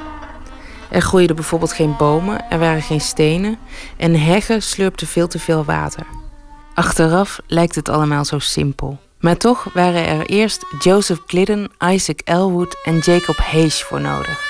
Door een combinatie van toeval, boerenslimheid, handelsinstinct en geluk zorgden zij voor de uitvinding en verspreiding van het prikkeldraad. Het gebied wat bekend stond als het Wilde Westen was geen Wilde Westen meer. De, cowboys verdwenen. De indianen die toch al in de verdrukking waren... werden nog verder uh, weggestoten. Het is licht, goedkoop en gaat eindeloos mee. Binnen no time zag de hele wereld het voordeel ervan in. Ik vind prikkeldraad het internet van het einde 19e eeuw. Binnen 25 jaar was het overal in de wereld. Het was op de Pampas in Argentinië, het was op de velden in Zuid-Afrika, het was in de woestijnen van Australië. Overal werd het gebruikt. Het was het hulpmiddel voor vooral de intensieve veehouderij. In zijn boek betoogt Wittenberg overtuigend dat zoiets banaals als in elkaar gedraaid ijzerdraad, getooid met scherpe puntjes, een beslissende rol in de wereldgeschiedenis kon spelen. En niet één keer, maar vele malen. Al snel werd namelijk ontdekt dat prikkeldraad niet alleen heel effectief is om vee te beteugelen, maar ook ingezet kan worden tegen mensen. Voor de eerste keer is prikkeldraad massaal gebruikt als oorlogsinstrument, als militair hulpmiddel in de Boerenoorlog van 1899 tot uh, eh, 1902. Tussen het grote Britse Rijk en twee nietige boerenrepubliekjes in het toenmalige Zuid-Afrika. Die boerenrepubliekjes hadden geen schijn van kans tegen die enorme meerderheid van de Britten. Dus zij gingen elke rechtstreeks confrontatie uit de weg en voerden een guerrilla-oorlog. Nou, hoe kun je proberen greep te krijgen op guerrilla's door hun werkterrein te begrenzen. En dat deden de Britten. Ze verdeelden hele grote delen van Zuid-Afrika in eigenlijk vierkantjes van prikkeldraad. En binnen die vierkanten hielden ze drijfjachten op guerrilla's. Boerderijen werden platgebrand, uh, oogsten werden vernietigd, waterputten werden vergiftigd. En vrouwen en kinderen werden meegenomen naar zogenaamde concentratiekampen. De Eerste Wereldoorlog was zonder prikkeldraad ook heel anders verlopen. En wat te denken van het verschrikkelijke nut dat het had in Auschwitz. En hoe makkelijk was het om Oost-Berlijn af te sluiten van West-Berlijn in één nacht tijd in 1961 als je miljarden besteedt aan de aanleg van een peperduur, technologisch geavanceerd grenshek, kun je er altijd nog wel een paar honderdduizend gulden of euro of dollars tegenaan gooien om er prikkeldraad op te zetten. Het is mooi, het is symbolisch, het is van verre uit af uh, zichtbaar. En het signaal is dat vreemdelingen weg moeten wezen, dat je er niet in mag. Heel effectief. In 1989, toen viel die Berlijnse muur. Toen was er even, u, u, beschrijft het ook in uw boek, de sfeer van nou, weg met alle muren en hekken. En we gaan voortaan vreedzaam samenleven en dat hebben we niet meer nodig. Hoe kan het dat dat, zowel dat optimisme als het weghalen van die hekken helemaal verdwenen is? Eh, de aanslagen op de Verenigde Staten, 9-11, die, die hebben een doorslaggevende rol gespeeld. De hang naar vrijheid, globalisering, uh, vrij verkeer van goederen, vrij verkeer van mensen, vrij verkeer van informatie, kwam daarmee eigenlijk opeens tot stilstand. Zo is de grensmuur, de, e-, het eerste stuk grensmuur ontstaan tussen de Verenigde Staten en Mexico. Op zich een volstrekt onzinnige maatregel. De terroristen die de aanslagen hadden gepleegd... zijn niet via de Mexicaanse grens gekomen. Zijn met het vliegtuig gekomen. Maar het was, er werd een daad gesteld. En burgers konden weer opgelucht ademhalen. Dat was uh, het, het, doel van die uh, grensmuur. En een hele hoop landen hebben dat voorbeeld overgenomen. Het kwam ze vaak heel goed uit. Hongarije is inderdaad begonnen met de bouw van een groot hek... om de stroom migranten naar dat land te stoppen. Het hek wordt 4 meter hoog en 175 kilometer lang... En komt te staan het boek van Dick Wittenberg is bijna ongemakkelijk actueel. Dagelijks zien we op tv de apocalyptische beelden van vluchtelingen die het vocht Europa binnen proberen te dringen. De ongelijkheid in de wereld is iets wat Wittenberg zich aantrekt. Uh, ik denk dat mijn afkomst een rol heeft uh, gespeeld. Ik ben geboren in wat later een prachtwijk is gaan heten. Um, wat, wat toen werd omschreven als een asociale buurt. In Eindhoven? In Eindhoven. Uh, en uh, in mijn buurt was ik niet de eerste, maar de tweede die ooit naar de middelbare school ging. En ook de tweede die een uh, hoge opleiding volgde. En ik heb me altijd voorgenomen om mijn afkomst niet te verloochenen. Het is voor mij geen kunst om naar Malawi te gaan en te proberen een idee te krijgen van alledaagse armoede. Als ik bedenk dat mijn moeder, die uh, weduwe was, als wij niks te eten hadden in de jaren zestig, aan de buren vroeg of haar kinderen bij hun mochten meeeten. Ik hoop dat mensen, net zoals ik, vanaf het moment dat ze het boek lezen, overal prikkeldraad zien. En, en, en denken, maar wil ik dat nou eigenlijk wel? Zitten we daar nou echt op te wachten? Wil ik in uh, een samenleving leven uh, waar we al onze straten uh, dicht plamuren met prikkeldraad? Willen wij mensen die uit landen komen waar het sticht van prikkeldraad, willen wij hier, die hier de toegang belemmeren? Ik hoop dat mensen prikkeldraad zien en dat ze een gezonde afschuw ontwikkelen van prikkeldraad. Dat er draadknippers komen. Dat er draadknippers komen. En het idiote is, eh, er zijn zo, zolang er uh, prikkeldraad is, zijn er draadknippers uh, geweest. En Nicolaou in gesprek met Dick Wittenberg. En het boek heet Prikkeldraad, een geschiedenis van goed en kwaad. En eh, binnenkort komt er ook een vervolg op zijn boek over het dorpje Dixon in Malawi. Uit eh, Duluth, Minnesota. En uh, ze behoren tot het geloof van de Mormonen. Maken sinds jaren en dag prachtige platen. En het gaat over het echtpaar Ellen Sparhawk en Mimi Parker. Samen vormen ze een band, Low. En het nieuwe album komt eraan, waarvan we draaien What's Part of Me.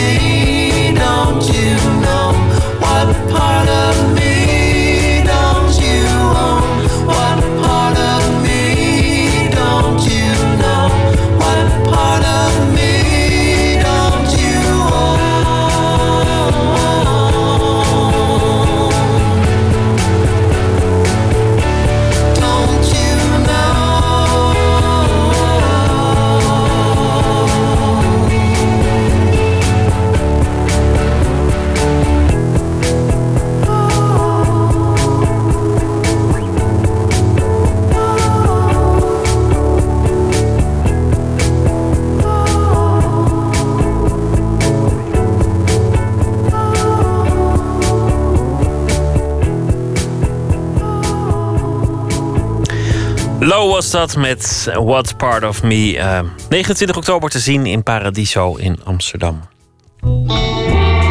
Nooit meer slapen. Deze week verschijnt hij, de lang verwachte nieuwe roman van de Amerikaanse schrijver Jonathan Franzen. En de titel daarvan is uh, Zuiverheid. Zijn vorige boek was uit 2010. De titel was toen Vrijheid, Freedom. Een uh, enorm succes. En in 2001 brak hij uh, wereldwijd door met het boek De Correcties. Goedenacht, Anton de Goede, nachtcorrespondent. Um, ja, het moet nog uitkomen. Wat, wat wil je erover vertellen? Ja, het moet nog uitkomen. Uh, maar het is, het, het, is een groot moment. Hè? Jonathan Franzen, door heel veel mensen gezien als de Amerikaanse schrijver van dit moment. Die zich kan meten aan de hele grote namen als Saul Bellow, Philip Roth, John Updike. En aan, eh, aan het boek dat deze week uitkomt, werkte hij vijf jaar. Dus dat is een moment. Er zijn trouwens ook schrijvers die zeggen van nou, hij is wel heel succesvol. En die plaatsen daar dan hun kanttekeningen bij. Als zou die voor een te groot publiek schrijven. Ik heb twee Nederlandse critici gesproken die het boek al wel lazen. Rob Schouten van Trouw en Marja Pruis van De Groene. Maar eerst wil ik Fransen zelf even laten horen. In het volgende fragment legt hij uit waaraan naar zijn idee een goed boek moet voldoen. Luister. A piece of writing is not interesting or worth doing if there's not some personal risk. If there is not if it's not dangerous in some fashion, um, whether you're exposing some part of yourself you'd rather not talk about, or whether you're being trying to be sincere about something that would be much more comfortable to be ironic about, or vice versa. If you're being um, sarcastic or ironic about something that people take seriously, uh, it might people might simultaneously enjoy it, but also be made slightly uncomfortable about it. Well, that's where I want to be. Het moet niet al te comfortabel worden. Een boek moet gevaarlijk zijn, op wat voor manier dan ook. Er moet iets op het spel staan, ook voor de auteur, maar ook voor de lezer. Een, een risico moet je nemen als uh, ja. schrijver. En een, en een persoonlijk risico. Hè? Je, moet, je, je, moet, uh, je moet jezelf op, op, eh, op de hak ook durven nemen. Zoiets bedoelt hij. Ik vroeg aan Rob Schouten of hij vindt dat Fransen met dit nieuwe boek, Zuiverheid, geslaagd is in die opzet. In hoeverre is het een voor Fransen zelf gevaarlijk boek? Volgens mij uh, heeft Jonathan Franzen altijd een soort dilemma tussen uh, voor het grote publiek schrijven en een maatschappelijk politiek probleem aansnijden. En uh, dat laatste, dat doet hij zeker in dit boek. Um, en dat, het gaat misschien een beetje ten onder in allerlei plots en familieverhalen. Maar voor mij is wel duidelijk dat hij een, een kritische boodschap heeft, om het maar zo te formuleren. En dat is een kritische boodschap gericht aan links. Hij is zelf denk ik ook een linkse jongen. Een eco-freak, een groen, niet, de, niet de modale Amerikaan. Maar wat hij in dit boek voor mijn gevoel doet, is een beetje onderzoeken wat de integriteit van dit soort links Amerika eigenlijk voorstelt. Of, je dat, of dat wel zuiver kan zijn. Kijk, dit boek is, gaat heel sterk, is heel erg uh, gebaseerd op de casus van bijvoorbeeld Julian Assange en, en, en Snowden en al die klokkenluiders en hackers en uh, dat soort lui. Nou ja, daar kun je natuurlijk... Uh, nou, hij zet niet bij hen persoonlijk vraagtekens, maar wel bij dat type uh, activisme. En dat is eigenlijk ook denk ik wel een soort zelfonderzoek, want ik denk dat hij in principe wel voor dat soort klokkenluiders is. Maar wat hij volgens mij met dat gevaarlijke bedoelt, uh, dat, dat gevaar dat hij wil stichten, is dat hij dat ook, terwijl hij ervoor is, toch ook heel kritisch wil onderzoeken. Al dus uh, Rob Schouten, dat, dat is iets wat hij vaker doet. Hè? Zijn vorige boek Freedom had als onderliggende vraag... al die uh, vrijheden die we hebben verworven... kunnen we daar eigenlijk wel tegen? Zijn we eigenlijk wel opgewassen tegen die vrijheid... of maken we er niet gewoon onder het mom van vrijheid... allemaal op onze eigen manier een vreselijke bende van? Wat, ja. vond, uh, wat vond Marja Pruis? Want die heeft het ook al gelezen, zei je. Ja, Marja Pruis van De Groene. Die, eh, haar kritiek komt pas over twee weken in De Groene te staan. Maar ze las vanmiddag net het boek uit. En ze zei eerder vanavond... ja, je krijgt te maken met heel veel personages. Het is een heel complexe intrige. Beetje jammer misschien ook dat het verhaal ondergeschikt is gemaakt aan een boodschap. Maar, zegt ze, die boodschap is wel uiterst actueel. Wat is dan die boodschap? Uh, vergelijkt het leven met internet, zoals wij dat zo'n beetje zijn gaan leiden, met het leven in een totalitaire staat. Luister naar Marja Pruis.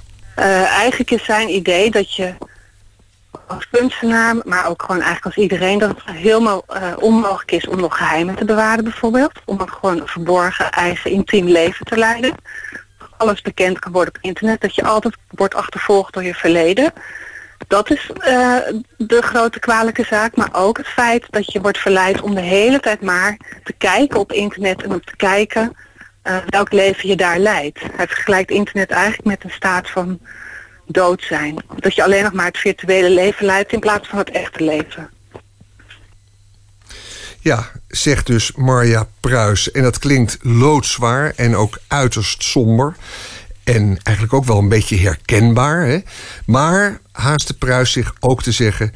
Ja, zoals uh, Jonathan Franzen schrijft, met die sardonische stijl. Het is ook heel lekker om te lezen. Het boek heeft een, fraaie plot. Uh, en die mensenkennis. En vooral ook die ongelooflijke humor is prachtig. Marja Pruis. Ik heb echt heel veel gelachen. Hij schrijft ook heel erg over, uh, dat is een ander thema de man als slachtoffer van de vrouw, van de feministische vrouw. Hij schrijft heel grappig over hoe mannen eerst gewoon totaal gebukt gaan onder de liefde voor hun moeder. En dan als was worden in de handen van feministische vrouwen. En die dan zo ver gaan, die mannen, om dan totale slaaf te worden. Zo lees ik het. Ze zijn alleen maar bezig om het die vrouwen naar de zin te maken. En uh, als die vrouw tegen hen zegt bijvoorbeeld... Uh, ja, ik mag alleen maar met me vrij als het volle maan is dan legt die man zich daarbij neer. Weet je, dan, dan pakt hij gewoon zijn kansen in die, in die luttele uren dat het volle maan is. Als ze tegen hem zegt van ik wil niet dat jij nog staande plast, ik wil dat je gaat zitten, dan doet hij dat ook. En dan haalt hij ook, zoals zij dat wil, alle laatste restjes urine heel secuur van de wc-bril af. Dat soort dingen. Dat klinkt wel uh, komisch, het klinkt ook uh, van deze tijd. Anton, je, je, zei eerder iets, wat, wat nu dan over Jonathan Franzen ging, maar wat je eigenlijk vaker ziet, als in de literatuur iets succes heeft, dan keert een bepaalde groep kenners, recensenten of andere auteurs zich er automatisch tegen. Het lijkt wel alsof uh, succes in de literatuur een taboe is geworden. Ja, dan is uh, iets, iets, iets te, te, te, makkelijk, vinden ze het dan. Uh, hij schrijft heel toegankelijk, je laat je meeslepen. En misschien is er dan een, uh, een elitegroep die zegt... ja, literatuur moet, moet ingewikkelder zijn dan, dan dit. Ja, ja het, had, het had ook kunnen floppen. Ik bedoel, je kunt het nooit voorspellen of iets een succes wordt. Maar als iets een succes wordt, wat dan ook... dan, dan keren mensen zich er tegen. Zelfs mensen die aanvankelijk zeiden ik vond het prachtig voordat het succesvol was. Is toch een, een wonderlijke gang van zaken eigenlijk. Beetje snobistisch hè, is dat eigenlijk. En uh, volkomen ten onrechte lijkt me. En zoals hij schrijft, ja, als ik deze verhalen hoor, dan denk ik, ik wil het boek lezen. Het gaat over dingen die, die over deze tijd gaan. Zoals ook Dave Eckers met de, de Circle. Die vergelijking wordt ook getroffen. De impact van, van, van internet. En het verlies aan privacy, wat natuurlijk gewoon het thema van deze tijd is. Nou, dus er zijn heel veel thema's. Uh, er zijn heel veel thema's, het thema van deze tijd. Ik vond het vorige boek prachtig, dus ik uh, hoop dat ik tijd vind voor deze. Dankjewel, uh, Anton de Goede, over zuiverheid van Jonathan Franzen. Dag Pieter, dank. Lightning Hopkins, een legende uit de bluesmuziek. We gaan luisteren naar een mooi stuk, live uitgevoerd. I'm going to meet my baby somewhere.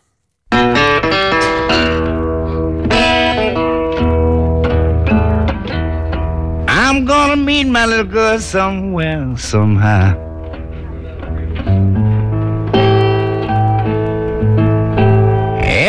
Ain't in heaven, it may be up in the deep blue sky. Lord have mercy.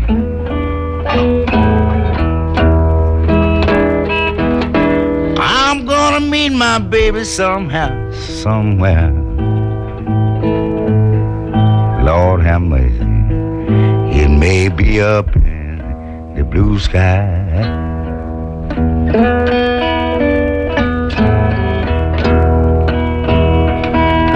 Whoa, but if we be floating around up there, yes, we may make heaven by and by.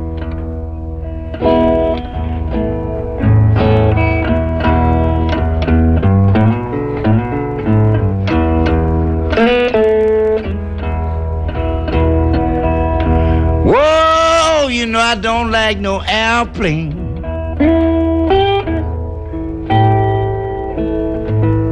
You know poor lighting don't like to fly.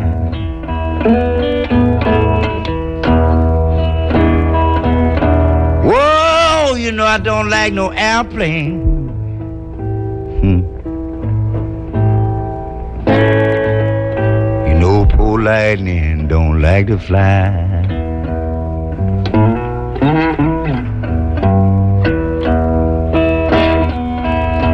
Whoa, you know I don't like no ship. I don't want to get wet before I die. Long time.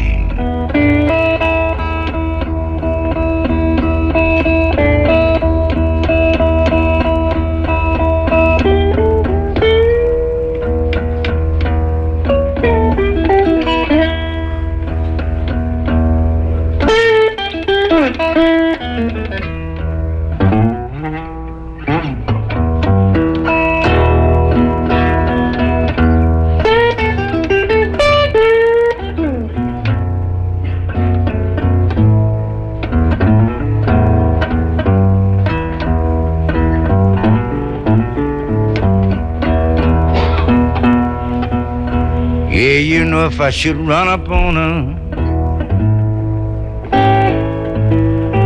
I'm gonna ask her how hell she been.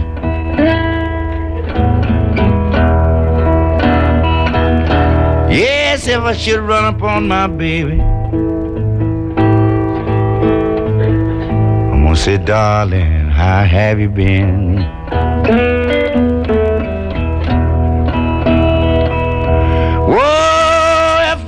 To heaven, I'm gonna be the first one knock on the door, and I'm gonna say, Whoa, God, will you please let me and my baby in?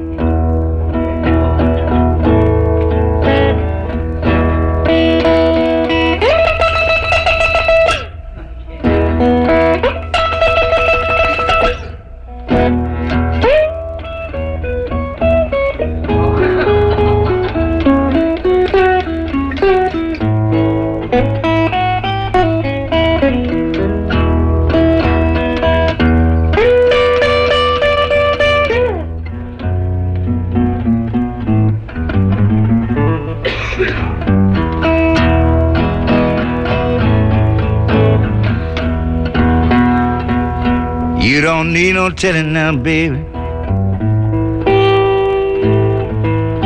Right now, little girl, you're old enough to know.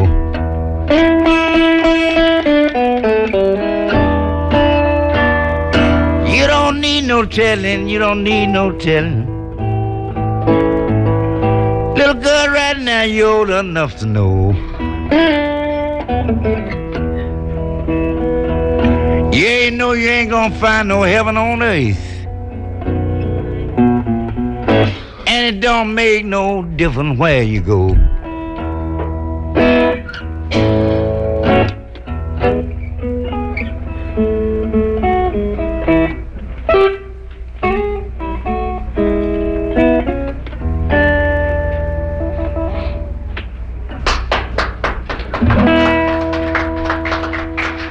Het was niet heel erg druk in 1964 in de Bird Lounge, waar eh, Lightning Hopkins optrad en dit nummer opnam. Met de titel I'm Going to Meet My Baby Somewhere. Nooit meer slapen.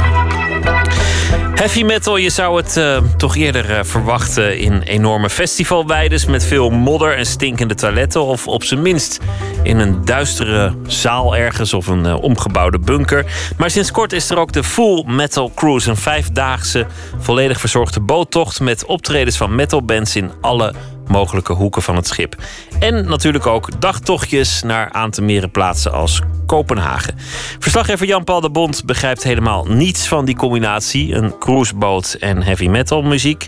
En daarom uh, is hij maar mee gaan varen langs de Duitse, Deense en Zweedse kust. Heavy metal. Was dat niet ooit hard, compromisloos, maatschappijkritisch? Met hondstrouwe fans die regen en modder trotseren om hun helden te zien? Wat blijft er dan van over op een cruiseschip? Op het eerste gezicht lijkt er weinig verschil met een normale cruise. Er zijn verschillende restaurants, tax-free shops, een sportschool.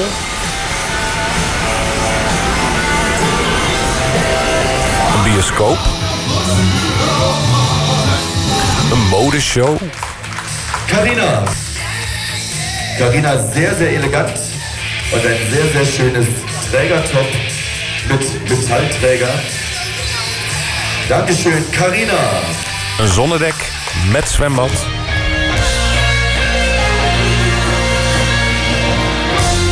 En, godzijdank, een rustig achterdek. In het zonnetje op het achterdek met Masha en Willy Brod. Zijn jullie echte metalfans? Echte metalfans. Altijd naar concerten, ja, niet alleen metal, ook hard rock en rock. En, uh, maar divers, maar ook metal, ja. Zeker. Sinds wanneer al? Uh, klassieke muziek opgevoed en dan ga je verder kijken en kom je toch vaak bij metal uit. Vanuit klassiek, ja? Ja, thuis, thuis alleen maar klassieke muziek vroeger, ja. Bij ons niet hoor. Bij ons alleen maar rock. Jaren 60, jaren 70 rock en dan uh, moet je iets anders dan je ouders. Dus dan uh, moet het een slagje harder en dan op een gegeven moment kom je gewoon uit bij de goede muziek en dan komt het goed. Maar daar blijf je dus ook? Ja. Ja. Geeft heb je het genre wat je, wat je goed bevalt. En het, het volk wat je goed bevalt. En uh, ja, het is gewoon gezellige lui die, die naar dit soort feestjes komen. Dus dat is het. Hoe beland je op een, op een cruiseschip vol met metalfans? Ja, dat is een goede vraag. Via social media denk ik dat we hierachter kwamen dat er een, uh, metal cruise was. En toen hebben we tegen elkaar gezegd, uh, gaan we dat doen, gaan we dat niet doen. En toen zaten we om half tien s ochtends voor de computer. En in een half uur was het uitverkocht. En je hebt op uh, oké okay geklikt? Ja. ja, ja, ja. Dan denk je, is toch een hoop centjes, maar toch een goed feestje. Mag ik heel Nederlands vragen ja, hoeveel ja, jullie betaald hebben? Dat kostte 2800 euro voor twee mensen voor vijf dagen. Dat is een duur feestje. Ja. Plus trein. Maar, ja. ja. Maar goed, een uh, normale cruise is ook duur. Wat doe je de hele dag? Hier. Nou, uh, ik heb uitgeslapen. Dat is ook zeldzaam, dus dat is ook wel weer een keer leuk. We hebben in het bubbelbad gezeten en we hebben uh, lekker uitgebreid ontbeten. Het is ook vakantie ja, met, uh, het eerste met jaar goede muziek. uitgerust terugkomen van een festival. Ja, ja. En de camping bevalt prima.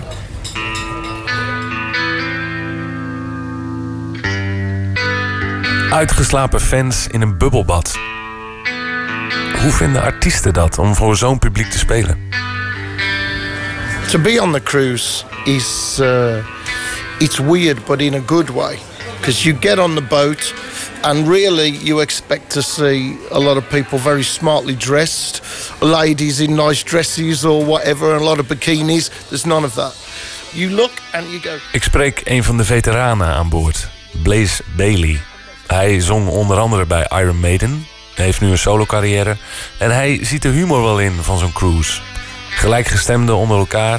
Een soort drijvend metal-koninkrijk. Suddenly it's a heavy metal kingdom afloat. Maar hij ziet ook de praktische voordelen. Eigenlijk logeert hij in de zaal waar hij optreedt.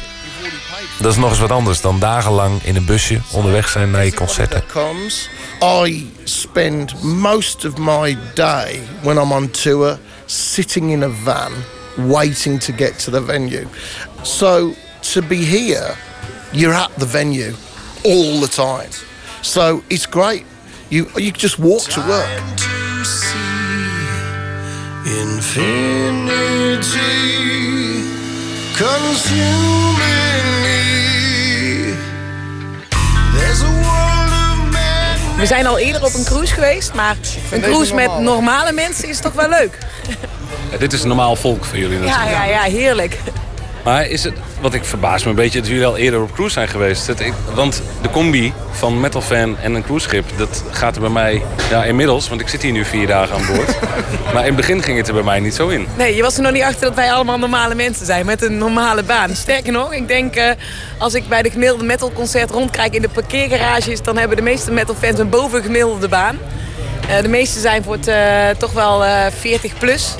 Wij zijn aan de jonge kant. En eh, eh, als je hier rondkijkt zijn de mensen ook zeker wel 40, 45 plus.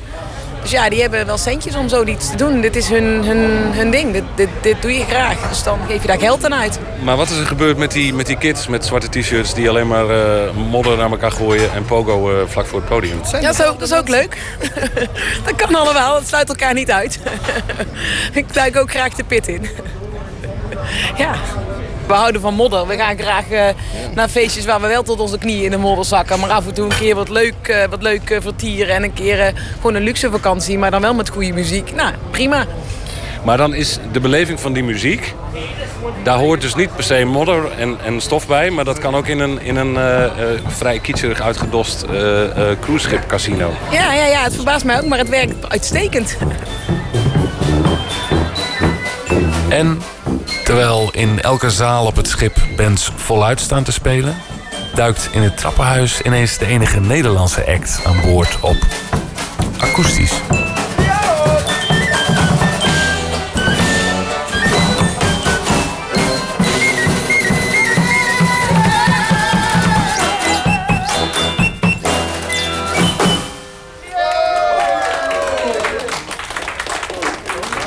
Blaze of Glory, een eh, heavy metal marching band. Ik praat even met Rick, dat is de drummer, en Wim is de zanger-gitarist.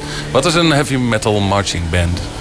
Dat is een, eh, een band die ehm, met eh koperinstrumenten, onder andere een sousaphone, een saxofoon, een fluit, een, eh, een lira, eh, een banjo, accordeon, akoestische gitaar, bassdrum, snare drum en heel veel zang loopt op de velden van eh, de metalwereld. En dat lijkt te werken hier op zo'n boot. Dat lijkt zeker te werken, want ook al heb je weinig velden op een boot. Het is eh, toch eh, te gek, ja. Die, eh, die hardrockers die hebben eh, meer zelfspot dan wij ooit gedacht hadden. Dus dit is onze derde metal cruise. En ehm, eh, dat heeft eigenlijk niet zo heel veel te maken met de zelfspot van, van de hardrockers. Maar een, een treffend tafereel was op Mallorca, de vorige cruise. Toen, toen eh, s- kwamen die twee werelden echt prachtig bij elkaar. Hardrockers die een beetje zitten uit te zakken, s ochtends vroeg om tien uur. En het was wisseling van de wacht, dus om tien uur komen de bejaarden. En eh, er was tot tien uur gewoon snoeiharde metal. En ja, dan lopen daar die bejaarden tussendoor met een angstige blik in de ogen van wat, wat is dit nou? En niemand doet wat, want die hardrockers zijn helemaal niet gevaarlijk of zo. Maar die bejaarden denken van wel. Dus dat was echt heel... Ja, dat was voor mij het ultieme moment waarop ik dacht... die hardrockers zijn, wat Rick net zegt, ontzettend lief. Maar ja, die hebben zo enorm veel zelfspot. En dat uit zich in het op een bejaardenboot gaan zitten met z'n allen. En gewoon snoeiharde muziek gaan maken. En, eh, of achter een lira aanlopen of zo, weet ik het. Maar ja, gekker kan je niet krijgen bijna. Dus ja, als je jezelf serieus neemt, doe je dat niet, volgens mij. Nou ja, ik denk op zo'n boot heb je niet echt eh, underground, zoals je, wat je op Bewakken Open Air, hè, waar het ook van is, eh, afkomstig is, van die organisatie. Daar heb je echt de, de underground van de underground metal. En hier zie je toch gewoon dat het echt wel de old school eh gitaar metal is. En eh, ja, power metal.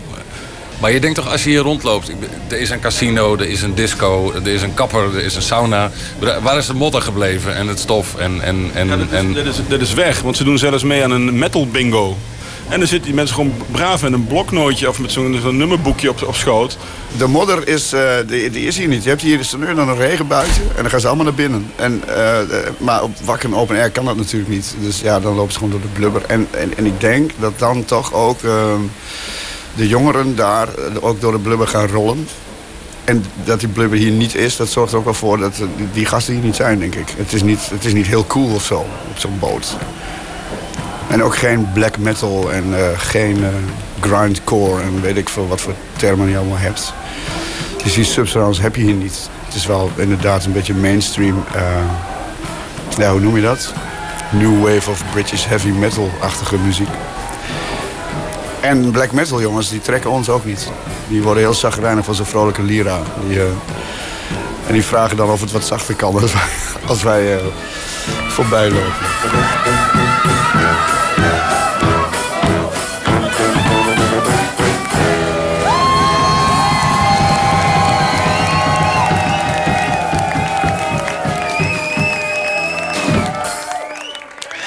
Full Metal Cruise kwam eh, vanochtend weer eh, aan in de haven van Hamburg. Het bengen op een cruiseboot. We gaan luisteren naar eh, Massive Attack met het nummer One Love.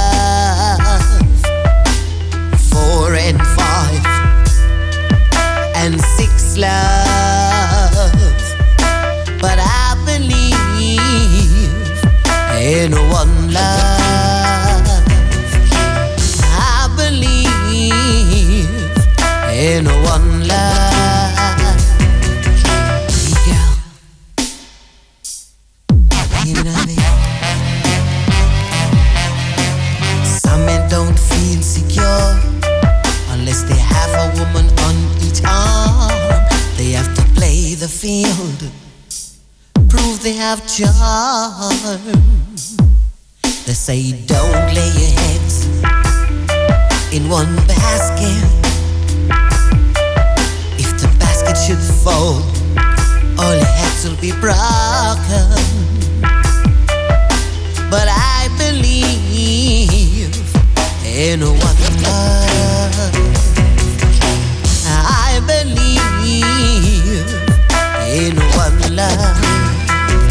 yeah.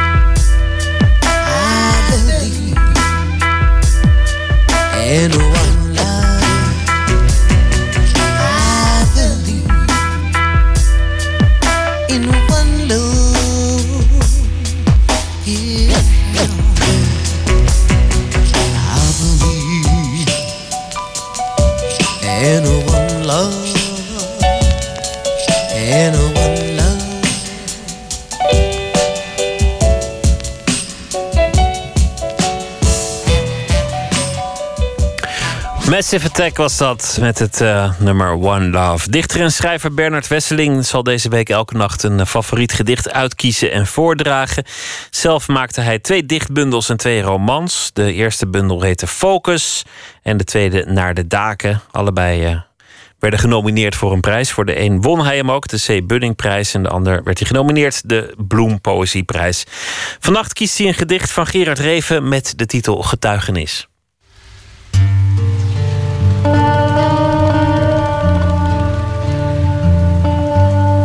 Het eerste gedicht dat ik heb uitgekozen voor dit programma is uh, een proza-schrijver die ik erin heb gesmokkeld, maar die zo uh, prachtig gebruik maakt van gewone taal, toegankelijke taal, uh, die in combinatie met zijn bijzondere geest je op geweldige vondsten brengt en plekken die je niet verwachtte. Het is een beetje als met een goed vertelde anekdote. Weinig mensen kunnen het. Uh, bovendien is het typisch Reven in dat het een memento mori is. Tegenwoordig doen we, denk ik, soms wel eens alsof de dood helemaal niet bestaat. En Reven, die draagt hier zijn religie uit die van de doodscultus. Getuigenis. Ze willen dat ik schrijf voor de vooruitgang. Maar ik kan niet schrijven zoals zij, al stam ik van hen af. Ik moet de wijken van het volk in en mijn oor te luisteren leggen. Zo hoor je nog eens wat. Wat wil het volk? Niet veel goeds, dat is zeker. Dus ga ik de straat op met mijn eigen vaandel, waarop geschreven staat: Vrijheid, ziekte, ouderdom, lang leven de dood. Een gedicht van Gerard Reven, getuigenis, gelezen door dichter en schrijver Bernard Wesseling was dat. Morgen zal hij weer een gedicht uitkiezen en voordragen. Morgen is de gast Fresco, de Eindhovense rapper. Het was eventjes stil, maar uh, hij heeft alweer een nieuw album. Nooit meer terug. En hij komt morgen vertellen over uh, alles wat hij doet, alles wat hij wil doen, alles wat hij heeft gedaan, alles wat hij niet heeft gedaan. En uh, zo nog wat onderwerpen. Dat morgen in Nooit meer slapen. Voor nu een hele goede nacht en morgen een vrolijke dag. En ik hoop dat u morgen weer zult luisteren. En zometeen op Radio 1 de EO. Een hele goede nacht.